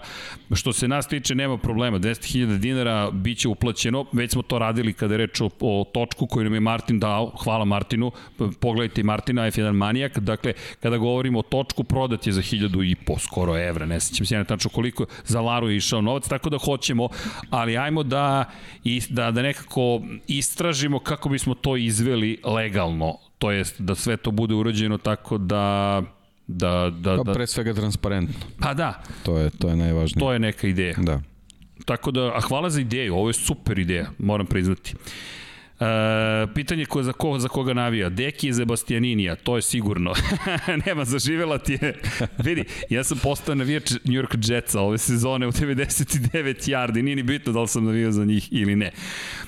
Pitanje za obojicu s pogledom u budućnost, Marini ili Bastianini? Na duge staze, koje je tu bolje rešenje? To je baš Pa, teško pitanje. To je sad već Hoćemo stvar. da, ajmo da se igramo, bacamo Ne, to je već i stvar podrške, mislim, naravno to ide, ali ja, ja se držim svojih favorita, to ne menjam. A, aktivirajte se malo, ali ne prosti momci, aktivirajte se malo na SH Hrvatska, intervju sa Marinim Junjam, vi manje od Rosije Markeza ne možete proći, ovo je pitanje bilo. Od, pa ne, mi smo već, već smo imali te intervjue, nego e, u ovom momentu, da, kada je reč, ne, nekako nam se potrefilo da, da neki intervjue koje zakažemo nam se ne dese prosto, ali ne zaboravite, vi intervju s Maverikom Vinjalovcem imate, imate sa Alexom Lowsom u okviru Lab 76. Što se tiče Markeza, intervjuisali ga pre dve godine, što se tiče Rosija pre 8 godina, pre dve godine takođe. Tako da biće tih intervjua, ali moram priznati da nam fokus nije bio toliko na intervjuima, neću vas lagati, i fokus nam je bio na intervjuima sa ljudima sa ovih prostora. I to je nešto što želimo da uradimo. Zašto? Smatramo da ljudi koji su vozili, voze, takmiče se, u timovima su, dobili smo informaciju, evo čekam podatak, neko iz Srbije, momak koji se bavi valjda atletikom, je dobio posao kao mehaničar u Naskaru. I to, to je čovjek s kojim želimo da dobijemo intervju. Daleko od toga da ne želimo Rossi Markeza da intervjušemo, ili Banjaju, ili Bastianinija, ili Becekija, ali hoćemo da ispričamo te priče kao što je Željko Staničić. Da ljudi koji su vozili, čovjek se sudario sa Mihajlom Šumacherom na motociklu, pogledajte specijal broj 69, ali to je Željko ispričao usput i onda kada me Šumacher oborio, se desilo nešto. Point je u sledećem, hoćemo da čujemo te priče to su priče Miloša Pavlovića, čekamo. Ljudi, kako stupi u Beograd, evo čovek sa moje desne strane će da ga otme, ja mislim na aerodromu, dovede u studiju na kraju univerzuma i Miloš će biti ovde. Ali nije to samo Miloš. Miloš je verovatno jedna od najvećih, ako ne najveća zvezda iz te perspektive. Ali želimo da čujemo vozače, bivše vozače, sve koji su nešto uradili, da, zašto? Pa da inspirišu, da ispričaju svoje priče, da dobiju u krajem slučaju promociju koju smatramo da su zaslužili, a nikad nisu dobili. Nekako, ceo koncept je krenuo toga da verujemo da su zapostavljeni automoto sportovi na ovim prostorima. I zato, zato jurimo te intervjue. Intervju sa Martinom Vogrinecom, bravo Branislave, to je nešto na čemu radimo. Nadam se da ćemo to organizovati. Martina sam posljednji put video uh, davno kada je ušao u Red Bullov kup Novajlja, ali to je intervju koji hoćemo da, svakako da Naš mladi kartingaš Filip Jenić vozit će Formulu 4 sledeće godine. Da, to nismo spomenuli, Racing, to je mnogo da, važno. Uh, I Miloš mu je tu puno pomogao oko Sjajno. tog angažmana, tako da eto imamo ovaj, u planu da, da, da pokušamo da napravimo i tu priču kad, kad, kad krene čitav šampionat da vidimo kakva su iskustva, tako da to su neke priče koje onako ne mogu baš svakog dana da se čuje, tako da to što kažeš, fokusirani smo na to. fokusirani smo, da, da bukvalno da. na to. Nadamo se da ćemo otići kada se ukažu prilike i do jedne fabrike tu tamo u okolini Zagreba, da vidimo neke hiperautomobile, da ćemo otići do Akrapovića. To je region koje mi smatramo da prosto pripadamo. Jednostavno, to su regioni, naši regioni. Ne, ne, ne, to, to, to su ljudi koje poznajemo, s kojima imamo bliski kontakte, s kojima smo razmenjivali i emocije, imali momente kada, ne znam, završiš se trka pa zoveš nekog, pa kažeš si gledao trku, jesam, gledao sam trku. To, to su veze koje su se stvorile, da, gde god da se ljudi nalaze pri to na planeti Zemlji, a, a koliko postoji ta veza, hoćemo da ispričamo tu priču. Ali, da ne pobegnem, gospodin Živkov, evo, obećavam večeras zovem gospodina Živkova između ovog podcasta i SK NFL podcasta. Miksa me upravo zvao i rekao, Srki, ajde lepo da ostaneš ponovo. Miksa, ostaću ako si tu čuješ u drugoj prostoriji i ne, bez brige. Inače, da, da, da, da li će, hoće li MM ikada otići u neki drugi tim, Ducati, Yamaha i dokazati da i s nekim drugim torom može osvojiti titul, veliki pozdrav. Da nije bilo ove povrede, da. verujem da bi da je to bilo na nekom njegovom spisku, na čuvena bucket list. Šta treba yes. uraditi za života? Mislim da, ali samo bih nas vratio opet na, na ono što smo pričali. Bijađi je to preživeo. Rossi je to preživeo, Stoner je to preživeo. To su sve veliki šampioni. Ne znam koga možemo da izvučemo i da kažemo, evo, To je čovek za kog su rekli ni jednom drugom bolidu ili automobilu ili evo ga Tom, Tom Brady. Evo ga Tom Brady. Ne možeš da Samo pobediš. sam čekao kad ćeš ti izgovoriš. Čekaj, vidim da mi je pao na pamet. ne, ali čekaj, ti možeš samo sa New England Patriotsima uh, hold my beer ili hold my avocado, to smo rekli, avocado tequilu, bar, e videli smo ga i u ljudskom izdanju, da, da nije, da može i čovjek da se opusti, ali otišao čovjek u svoju titulu. Tako da, Aleksandre, ja, ja videli smo i Casey kako nadam, surfuje po travi. Tako je, ja se iskreno da. nadam da će otići, baš zato što verujem da će pokazati tamo da je jedan od onih posebnih vozača. Prosto bih volao da bude, da, da ga gledam, mislim da bi to bilo zabavno. Jedino što ide vreme. To je problem. Povreda nas iskreno brine. Da, da nije bilo povreda, da se prilično sigurno u nekom momentu da bi rekao, ok. Ono, kao u fazonu, tu sam 30, a je vreme da, da probam još nešto da Kao Brady. Da, da li je da. iko ikada verovao da će Brady otići iz Patriota? Da li je iko zaista veruje, to je da će potpisati za Tampa Bay Buccaneers. Ti odeš od Bostona, od Massachusettsa, od jedne države koja je relativno konzervativna, gde se više bave pravima, gde se više bave nekom vrstom američke aristokratije, gde sve mora da bude zategnuto pod konac, fino, kulturno, i onda odeš na Floridu i odeš u ekipu koja ima gusarski brod i koji spaljuje topove, dok je pucaju iz pušaka, iz musketa u Patriotama i onda bacaš trofej tamo po zalivu. Dakle, potpuna promena. Tako da, nisam trenutno siguran da, da će se to desiti, ali bih voleo. Ale ne oprosti, pitanje srđene, gde crpim energiju? U iz ljubavi. A, saznaćete uskoro, gde crpi energiju. Sačekajte. Budite strpljivi za, za koju, ne, koju nedelju. Ne, tako, nedelju? Da, da. Da, da okej. Okay. De, Deki je rekao, ja ništa nisam rekao, ali ćete saznati odakle crpimo energiju, tako je. Dakle, Srki ima priključak, moguće. Da li je to Ducati, Loptica ili Ferrari? Ovo je Mars. Šalim se, ovo je loptica, ukoliko ste imali probleme sa nervima, onda vam daju lopticu da vežbate ruke i zašto? Kad vam spoje C5, C6, C7 pršljirove u vratu i rasterete nerve, onda vam ovo daju da se igrate. Probajte, odlično je. Da li postoji, imali vesti o Lorencu, da li postoji šansa da se vrati u GP sledeće sezone? Naredne godine sigurno ne. Jedino pra, upražnjeno mesto je Aprilino, gde je već rečeno da neće sigurno biti, tako da Lorenzo Savadori očekujemo da će i on uskoro biti potvrđen. Lorenzo naredne, ove godine, ne, a ne naredne, ja sam i dalje 2020, izvinjam se, 2022. Možda, možda se nešto i desi, ali opet ide vreme, pitanje je koliko on želi. Čovjek kupuje skupocena kola, trenutno ga prozivaju što mu je na, na automobilu broj 63, i što je kao cijela reka kao da je sponzorisan od strane svih mogućih robnih marki. Ja kažem njegove pare neko uživa. Njegova stvar pet titula šampiona sveta svoju glavu stavlja u torbu toliki godine radi šta god hoćeš. Živko, to smo rekli, sigurno ga zovem večeras, pa nadam se da će potvrditi. Dakle, svako bilo super Stevie G da se do, dobra zabava i humanitarno, a Deki imaš pozdrav You'll Never Walk Alone. Šta je sa majicama? I se, majice su došle na red. Ok, juče sam pričao tu priču. Dakle, studio na kraju univerzuma ima svoje lepe strane, ali ima ponekad i crne rupe ipak i univerzumu. Da, znam, samo sebi se, evo smeju mi se već zašto ću ponovo da ispričam gotovo neverovatnu priču. Ali tu sam javno dostupan, tako da stići će. Sada smo, sad prvo, prvo se nadam da će čovjek da se oporavi u potpunosti da će dozdravi. Ali čovjek koji je u završnoj fazi toga da se majice realizuju, dostave i, i budu kod vas, ima koronu. I COVID-19 zapravo i nije dostupan. Bukvalno nije dostupan. Postojale su dve opcije. Jedna opcija je bilo da kažemo, baš nas briga što se razboleo, mi ćemo sad da ga zamenimo nekim drugim i da završimo to ove nedelje. Mi smo jednoglasno se dogovorili da to ne uradimo i to nije opravdanje, ja se izvinjam još jednom, zaista nema, nema smisla, ali između toga i da sada na kraju postoje svih problema koje sam izazvao celoj ekipi i kašnjenja, da svedemo to na, na, na zamerit ćemo čoveka, nećemo. Izvinjam se, zaista, ne zamerite, ali nećemo da menjamo čoveka. Sačekat ćemo da se oporavi, izdržat ćemo još 10 dana, molim vas za strpljenje. Stikere ćete svi koji ste naručili majice dobiti, dobit ćete i pisano izvinjenje od mene izvinjavam se, neće se ponoviti, potpisat ćemo.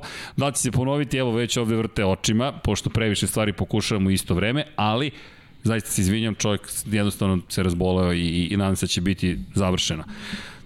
Ko je danas veliki vozač u našem regionu? Hm.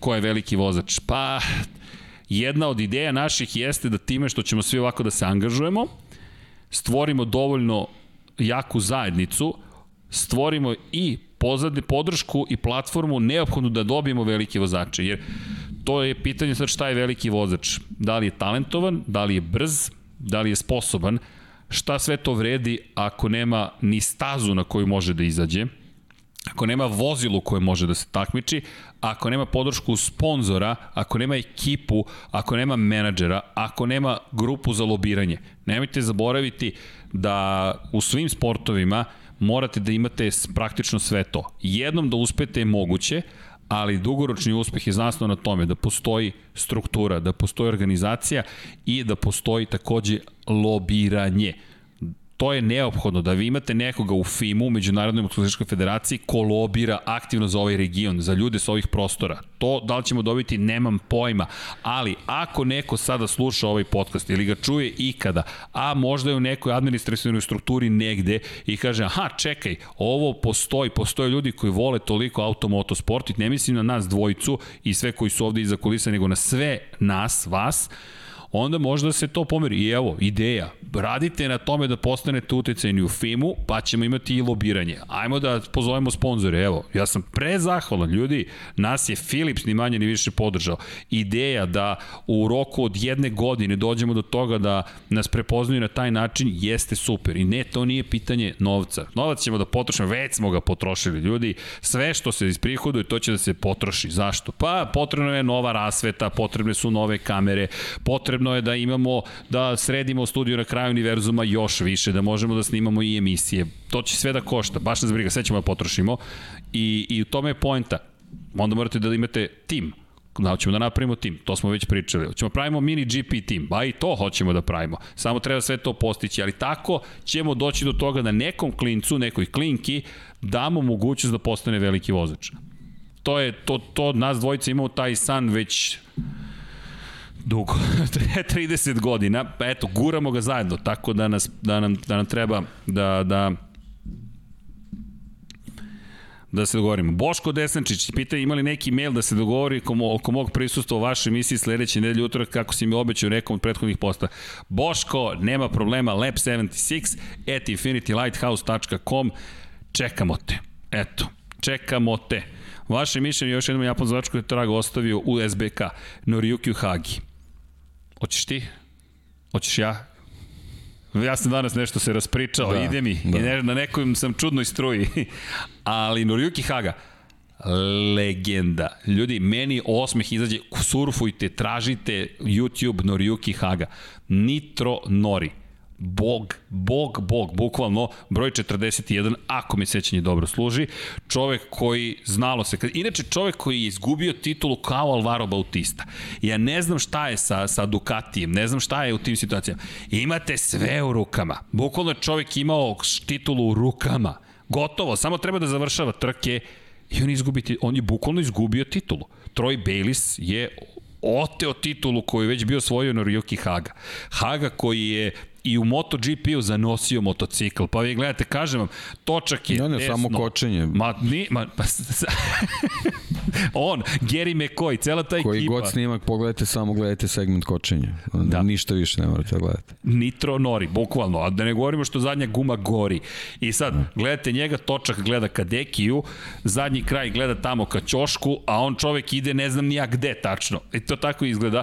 I imao je taj fascinantni stil. Još jedna stvar, znali smo, zaostaje dve sekunde, nema problema. Nadoknadit će on dve sekunde do kraja trke. Gde su nastali kasnije problemi za Nitro Norija? E, Moto Grand Prix, a i Superbike su postali mnogo precizniji. Postali su čak i Superbike i tražio finese, sve više i više finese i vozači poput njega koji su izgledali spektakularno su bili manje efikasni. Pojavili se podaci, pa dođe inženjer pa kaže pa ne može tako. Ne može 150 metara prekrivine da se nameštaš. To ne može. jednostavno... Da, šteta, mislim to jednostavno tak, tak, takva vozačka vrsta Jest. izumira to i, i, i, i oni zbog svog stila su se jako teško prilagođavali tim promenama. To, je, to su ti problemi, ali kažem, ukucajte Noriyuki Haga bilo koji video i samo obratite pažnju na segment kočenja, sve će vam biti jasno. E, čovjek je bio e, za mene jedan od onih vozača koji jednostavno možeš samo da zapamtiš. 2009. evo baš gledam da li se dobro sećam. Pobeda, drugo mesto, drugo mesto, drugo mesto, pobeda, pobeda, drugo mesto, pobeda, drugo mesto. To je sve do prve trke u Italiji. Onda odustaje u drugoj trci u Italiji, pobeda, pobeda. Južna Afrička republika je u pitanju u momentu kada on čovek samo, samo ređa pobeda i druga mesta.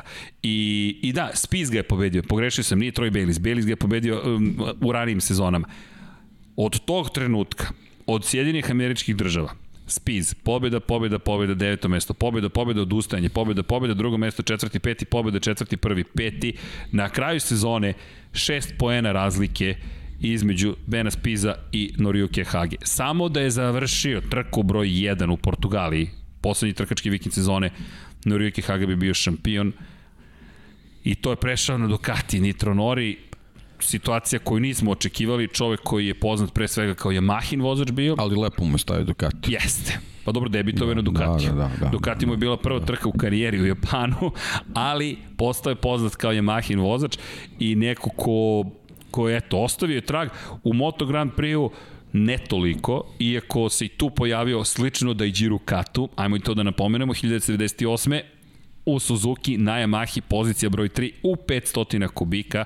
Inače 2001 kada smo gledali i Dajđira, 14. bio u šampionatu na Yamahi, vratio se na Apriliju 2003 nije mnogo toga postigao. Poslednji put kada smo gledali nešto ozbiljnije od Nitro Norija, bilo je 2012. u britanskom Superbike šampionatu pokušaje na Kawasaki od naredne godine na BMW u svetskom prvenstvu, ali to nije donalo rezultate. Poslednju pobedu zabeležio u Nemačkoj 2010. godine svašta je vozio, svašta je radio, ali prosto spamte se te sezone u kojima nije bio šampion. Inače, poznat je po tome što je diskvalifikovan zbog dopinga bio između ostalog Noriyuki Haga. Kažem, nikad nije osvojio titul, tako da da, Noriyuki Haga, makar ja ga pamtim po nekim veselim stvarima. I tako. Da li ima neko lanciranje uskoro? Uživa se? Ima. Nemojte ništa da brinete, bit će. Dakle, SN10 statički test je obavljen, čekamo da vidimo sledeće poletanje, nadamo se uspešno sletanje. Kada je reč o Marsu, da, i pripremamo emisiju o tome šta su već uradili na Marsu, tako da ćemo se i time pozabaviti. Inače, naš, mogu malo da otkrijem stvari, naš 3D modelar i animator je uzeo kompletan sunčev sistem, pozdrav za Petra, I da, eto, to je nek novitet, imamo od sada i 3D modelara i animatora, gde je napravio sunčev sistem, uzeo sve precizne koordinate i podatke i umanjio ga za milion, u razmeri 1 prema milion, napravio ceo sistem u našem 3D modelu, sada ubacuje prirodne satelite, pa će da doda veštačke satelite kasnije i onda ćemo da se igramo sa emisijom Kosmos 76.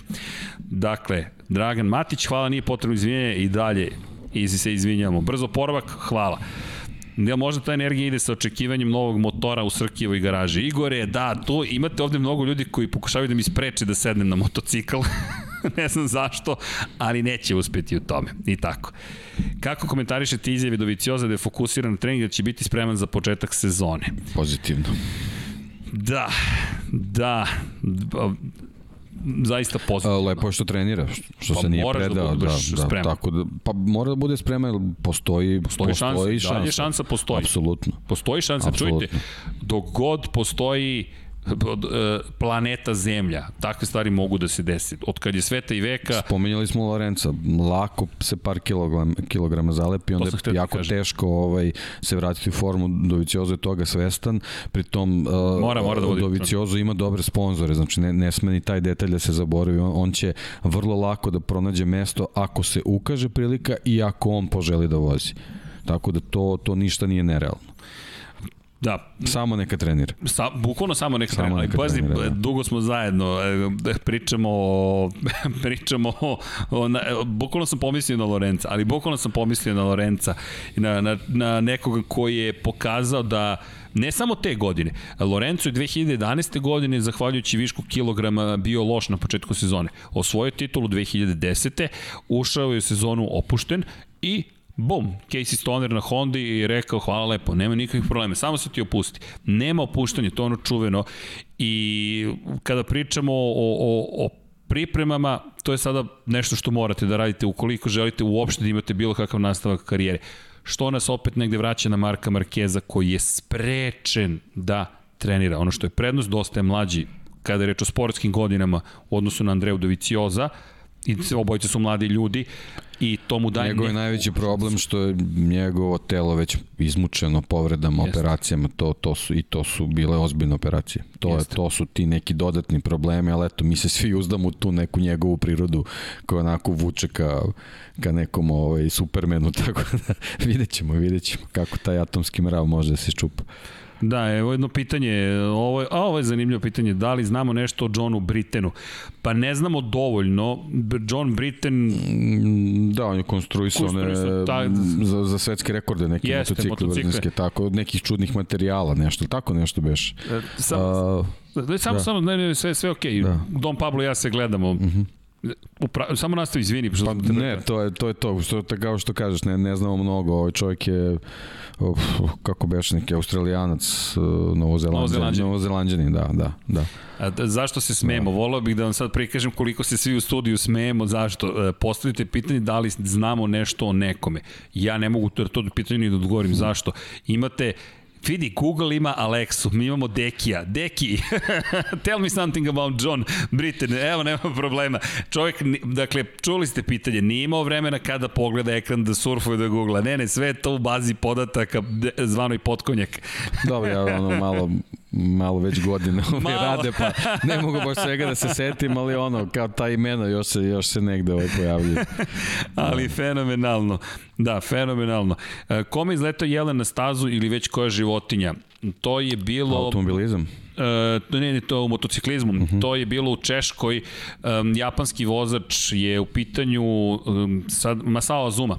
Masao Azumi, Masao Azumi je izleteo Jelen u to je 1998. ako se ne varam. Da, to je, to je bizaran incident. Dole na izbrdici između četvrte i pete krivine kada se spuštaš i Masao Azumi izleće Jelen iz šume ljudi taj udarac dobro je preživao. Ono što je problem, iako nije imao teže povrede, Masao Zuma nikad više nije bio toliko dobar u svojoj karijeri. Masao Zuma je od tog momenta a borio se za titulu te godine. Je, je toliki je strah prosto se stvorio, što ne smijem da zamislim kakav je strah. Zamisli da voziš trkačku mašinu nizbrdo, ideš u šumi u Češkoj i izleti ti jelen i ti to preživiš. I kažeš sebi, ma ljudi, u redu je, idem ja dalje. Idemo dalje. Da, Španci inače najjače, najjače natjecanje, tu je Repsol. Pitanje je bilo zašto samo Španci voze za fabričku Hondu. Pa nisu samo Španci, Pa da, nisu ali, samo, ali je većina i zna se zašto. Mislim, Repsol je apsolutno. naftna industrija koja Tako dolazi iz Španije. i Svaki sponsor ima pravo da, da, da ovaj formira prema svojim tržištima još kad ti dođe neki vanserijski vozač. Logično je da on bude tu, tako da nije ali, to ništa čudno. Mislim. To je ova decenija, Ni, da. nisu bili nisu, nisu. nisu bili Španci. Ne, ako pogledate ovako napamet, šta smo rekli, Toru Kava Valentino Rossi 2002. godine, Zatim je Ma, sa Mig Edward, sa Duanom je sve počelo. Došao je, mislim. dobro, sa Duanom je počelo. Da, da, ta Repsol Honda, to je, to je Repsol Duan. vuče Jeste. dugo priča, nije to sad, sad je jednostavno takva situacija. Pa... Da, ali bio je Duan, da, koji je australijanac, da, da. za onih koji ne znaju, Mig Duan, čovek koji je svoj peti titulu za redom, eno ga tamo potpisani poster, Serganu, Sergan. U svakom slučaju za Sergana je to potpis, to su moji drugari sredili da bude Sergana, hvala im na tome, ali je, bukvalno su to tražili da bude, piše Serđan, ali to je, to je na anegdota sa puta za Valenciju, kada je dama pomešala Đankića i mene, ako se dobro sećam, i onda izgovorim sa Srđan i Aleksandar Đankić, rekla je Serđan. Mi sad se mi gledamo, ko je Serđan u kolima, ne, kam, da nam je u kombi ušao neko da nismo ni svesni, švercuje se sa nama i dok smo shvatili da je Serđan zapravo Srđan, već to postala neka šala i onda je Mig Duan dobio zahtev da Serđanu potpiše, da autogramiše poster. Ali Mig Duan, sa njim kreće Repsol Honda, Alex Krivije ulazi u celu tu priču, to je jedan od prvih španaca koji je tu stigao, kasnije Repsol, kao što smo rekli, Rossi u Kava, Italija, Španija, dolazi, kreće Edwards, ali zapravo Nicky Hayden dolazi 2003. u tim Repsola. Alex Baroš koji je Brazilac stiže takođe u Repsol. Max Biaggi koji je Italijan stiže u Repsol. Tako da nije, nije to tako jednostavno. Sa Danijem Pedrosom počinje neki španski period, ali u tom španskom periodu imate Andreu Dovicioza koji je italijan, pa imate još jednog australijanca Casey Stonera, tek onda 2013. godine dolaskom Mark Marqueza postoje to sve španski tim koji traje do kraja ere Marquez Pedrosa, postaje zapravo Marquez Lorenzo jednu sezonu, pa Marquez Marquez, sada Marquez Espargaro, Repsol ima očigledan uticaj. Ono što je zanimljivo, Honda je rekla prošle godine, to je pretprošle, da želi da smanji uticaj Španaca na svoju ekipu i otpustila je jednog Španca i dobra drugog Španca. Ali ono što je očigledno otpustili su jednog Markeza. Hteli su da smanji uticaj Markez porodice na ekipu, a Repsol produžio ugovor i Repsol se sada još više zapravo bavi komunikacijom. Repsol nije koristio dovoljno tu platformu na globalnom nivou i ako obratite pažnju na saopštenja, Repsol se dosta aktivirao u komunikaciji u poslednje vreme. Tako da mislim da je to dosta, dosta jasno da, da Repsol to ne neće praktično dozvoliti. Jednostavno od 2013. dominiraju. Gde bi moglo da se promeni? Pa Japan, Japan bi mogao to da promeni, ali opet nije dovoljno samo da budete iz Japana, morate sad da budete na nekom nivou, da se pojavi neki novi da je Giro Kato, prilično sam siguran da biste videli Japancu u HRC-u. E, nema uvek se, uvek se setim ko, ne zna dobro, Deki enciklopedija automotosporta, tako je. Zašto su kazni Danija Pedrosu u Nemačkoj da starta zadnji, on u vezi prednjeg točka, Marko Marquez se čekao da poprima motocikli pobedi i osvoji titulu u Moto3. Da li su to leđe ili nešto drugo? Dani, mislim da je to bilo u Mizanu, na velika nagrada San Marina i Riminija, kada mu se greč točka zaglavio u prednjem točku i to je moment kada je de facto izgubio titulu u 2012. godine u borbi, izgubio šansu da bude šampion sveta protiv Jorge Lorenza.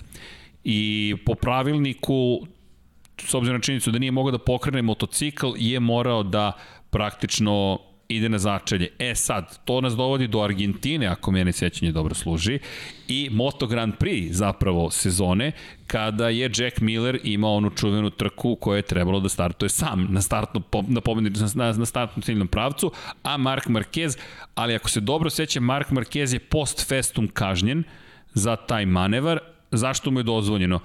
Pa ne znam, mogu samo da pretpostavim, smatram da nije trebalo da mu bude dozvoljeno, s obzirom na činjenicu da se Marquez pomerio napred, pokrenuo motociklu nazad, što je tek strogo zabranjeno. Usmeriti motocikl u suprotnom smeru i sa jedan na čas je strogo zabranjeno. To često pričamo kada vidite nekog da se pit lane vraća unazad.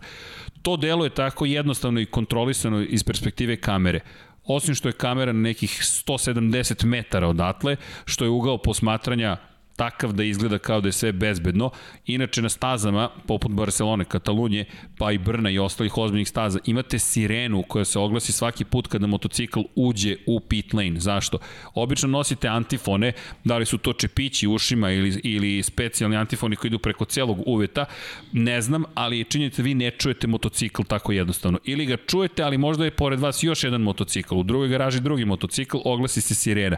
I to se strogo kažnjavalo, jedan od problema jeste, ne mogu da se sada setim na žalost, ne zamerite mi, ali u Herezu, u Herezu postoji spomenik koji je koji je dat, koji je japanskom vozaču jednom posvećen, koji je poginuo zato što su dozvolili da se civili bukvalno šetaju po pit lane-u i čovek je uleteo u pit lane ne pretrano visokom brzinom za njih, ti, ti te situacije mogu biti fatalne. Tako da, zašto je Markezu to dozvoljeno, ne znam. Nemojte misliti da je samo zbog toga što je Španac. To je star power.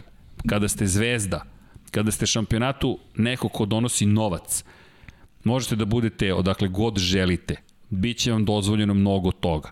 To isto važi za sve velike šampione. Bio to Valentino Rossi, bio to Giacomo Agostini, bio to Michael Schumacher, u Formuli 1 bio to Lewis Hamilton, bio to neko treći. Dakle, nije bitno samo za koga vozite, da opet lobiranje je važno, ali ako ste zvezda, često pravilnik se ne primenjuje baš tako striktno. Još kad se desi neka konfuzija, neko, nešto neočekavano na nekom da. trenutku, onda splet svih tih okolnosti dovede do toga da, da izgleda kao da, da su polastice velike, a u stvari to su neki minusi koji idu na, na, na ruku organizatoru, ali Kad je velika zvezda, Kad tu, je to je ogromna zvezda, lupa. Tako je, to je tako ta čuvena distorzija pravilnika i u futbolu, i u američkom futbolu, i u košarci.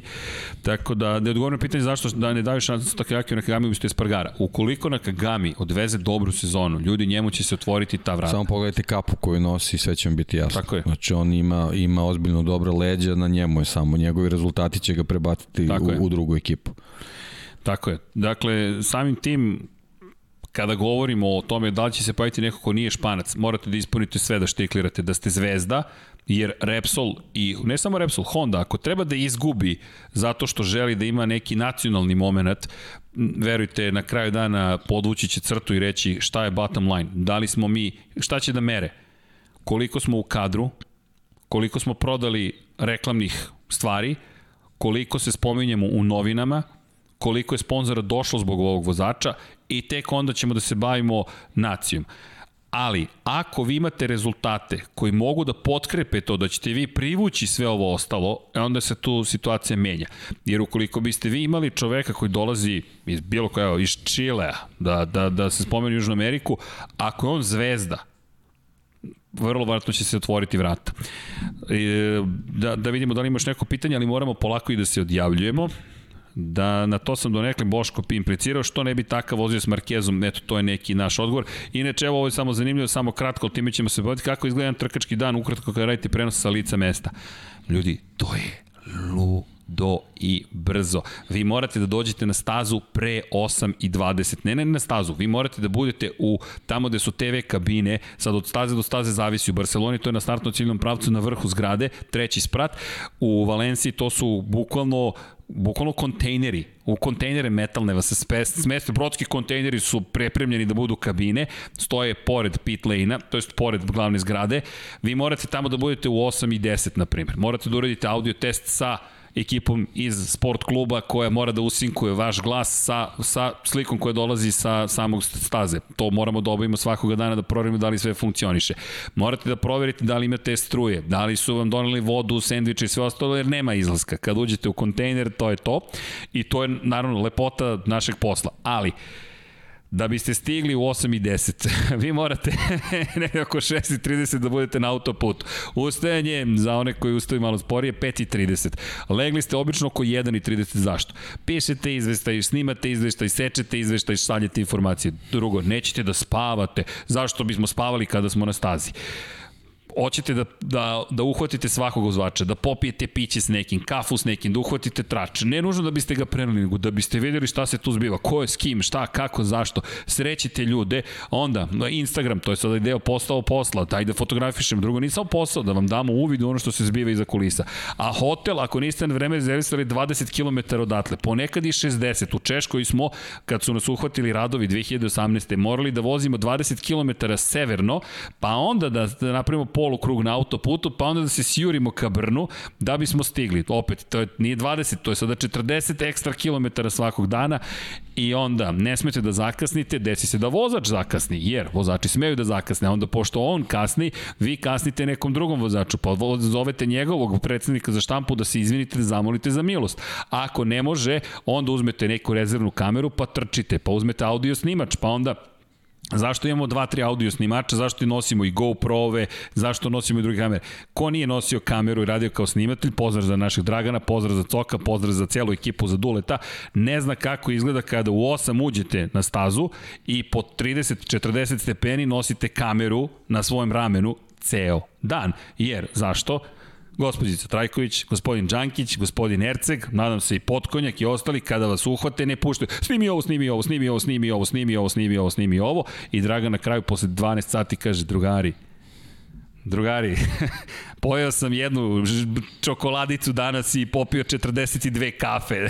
I onda ako me neko pita da li sam trudan, ne, nisam, samo to tako izgleda kada ste često u To je zato što sam se opustio poput Andreja Dovicioza. Eto, nadam se da, da ste uživali makar na kratko, ali na kratko 3 sata, ali da, da ste uživali u svakom slučaju. Moramo da se odjavljamo, stiže nam ekipa NFL-aša, a i vreme je da mi idemo ne kući, da idemo na drugu stolicu zapravo i da promenimo scenografiju studija. Šta da vam kažem, Ukoliko vam se dopada, like, like, like, a i da nas podržite malo na YouTube-u, subscribeujte se, pratite nas na podcastima, na društvenim mrežama još nismo aktivni, tek ćemo biti ako smo potvarali silne profile, no i to je deo, smeju se ponovo, stižu, nadam se uskoro i majice, Mi imamo naravno još jednu stvar da spomenem, uh, brijanje, to je streamovanje i sređivanje brade uz Philips Van Blade, tako da imamo podršku i baš smo srećni zbog toga što nam stižu neki novi sponzori. Veliki pozdrav ime cijele ekipe. Deki sledeći put će da priča više. Dakle, samo postavite pitanja Dekiju, a ja ne znam, morat ću da, da, da manje idem na, na priključak i sledećeg nedelje, ne, mogao bi ti da preuzmeš glavnu reč u potpunosti. Vidjet ću. ne možeš tako ovaj, da, ne možeš da, to da mi uradiš. Da, da, da. Znaš zašto to kažem? Sledeće nedelje broj 76. Znam, znam.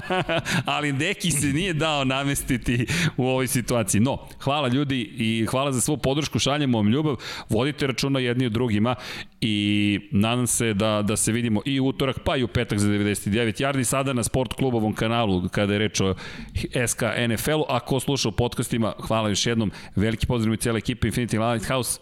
Ćao svima!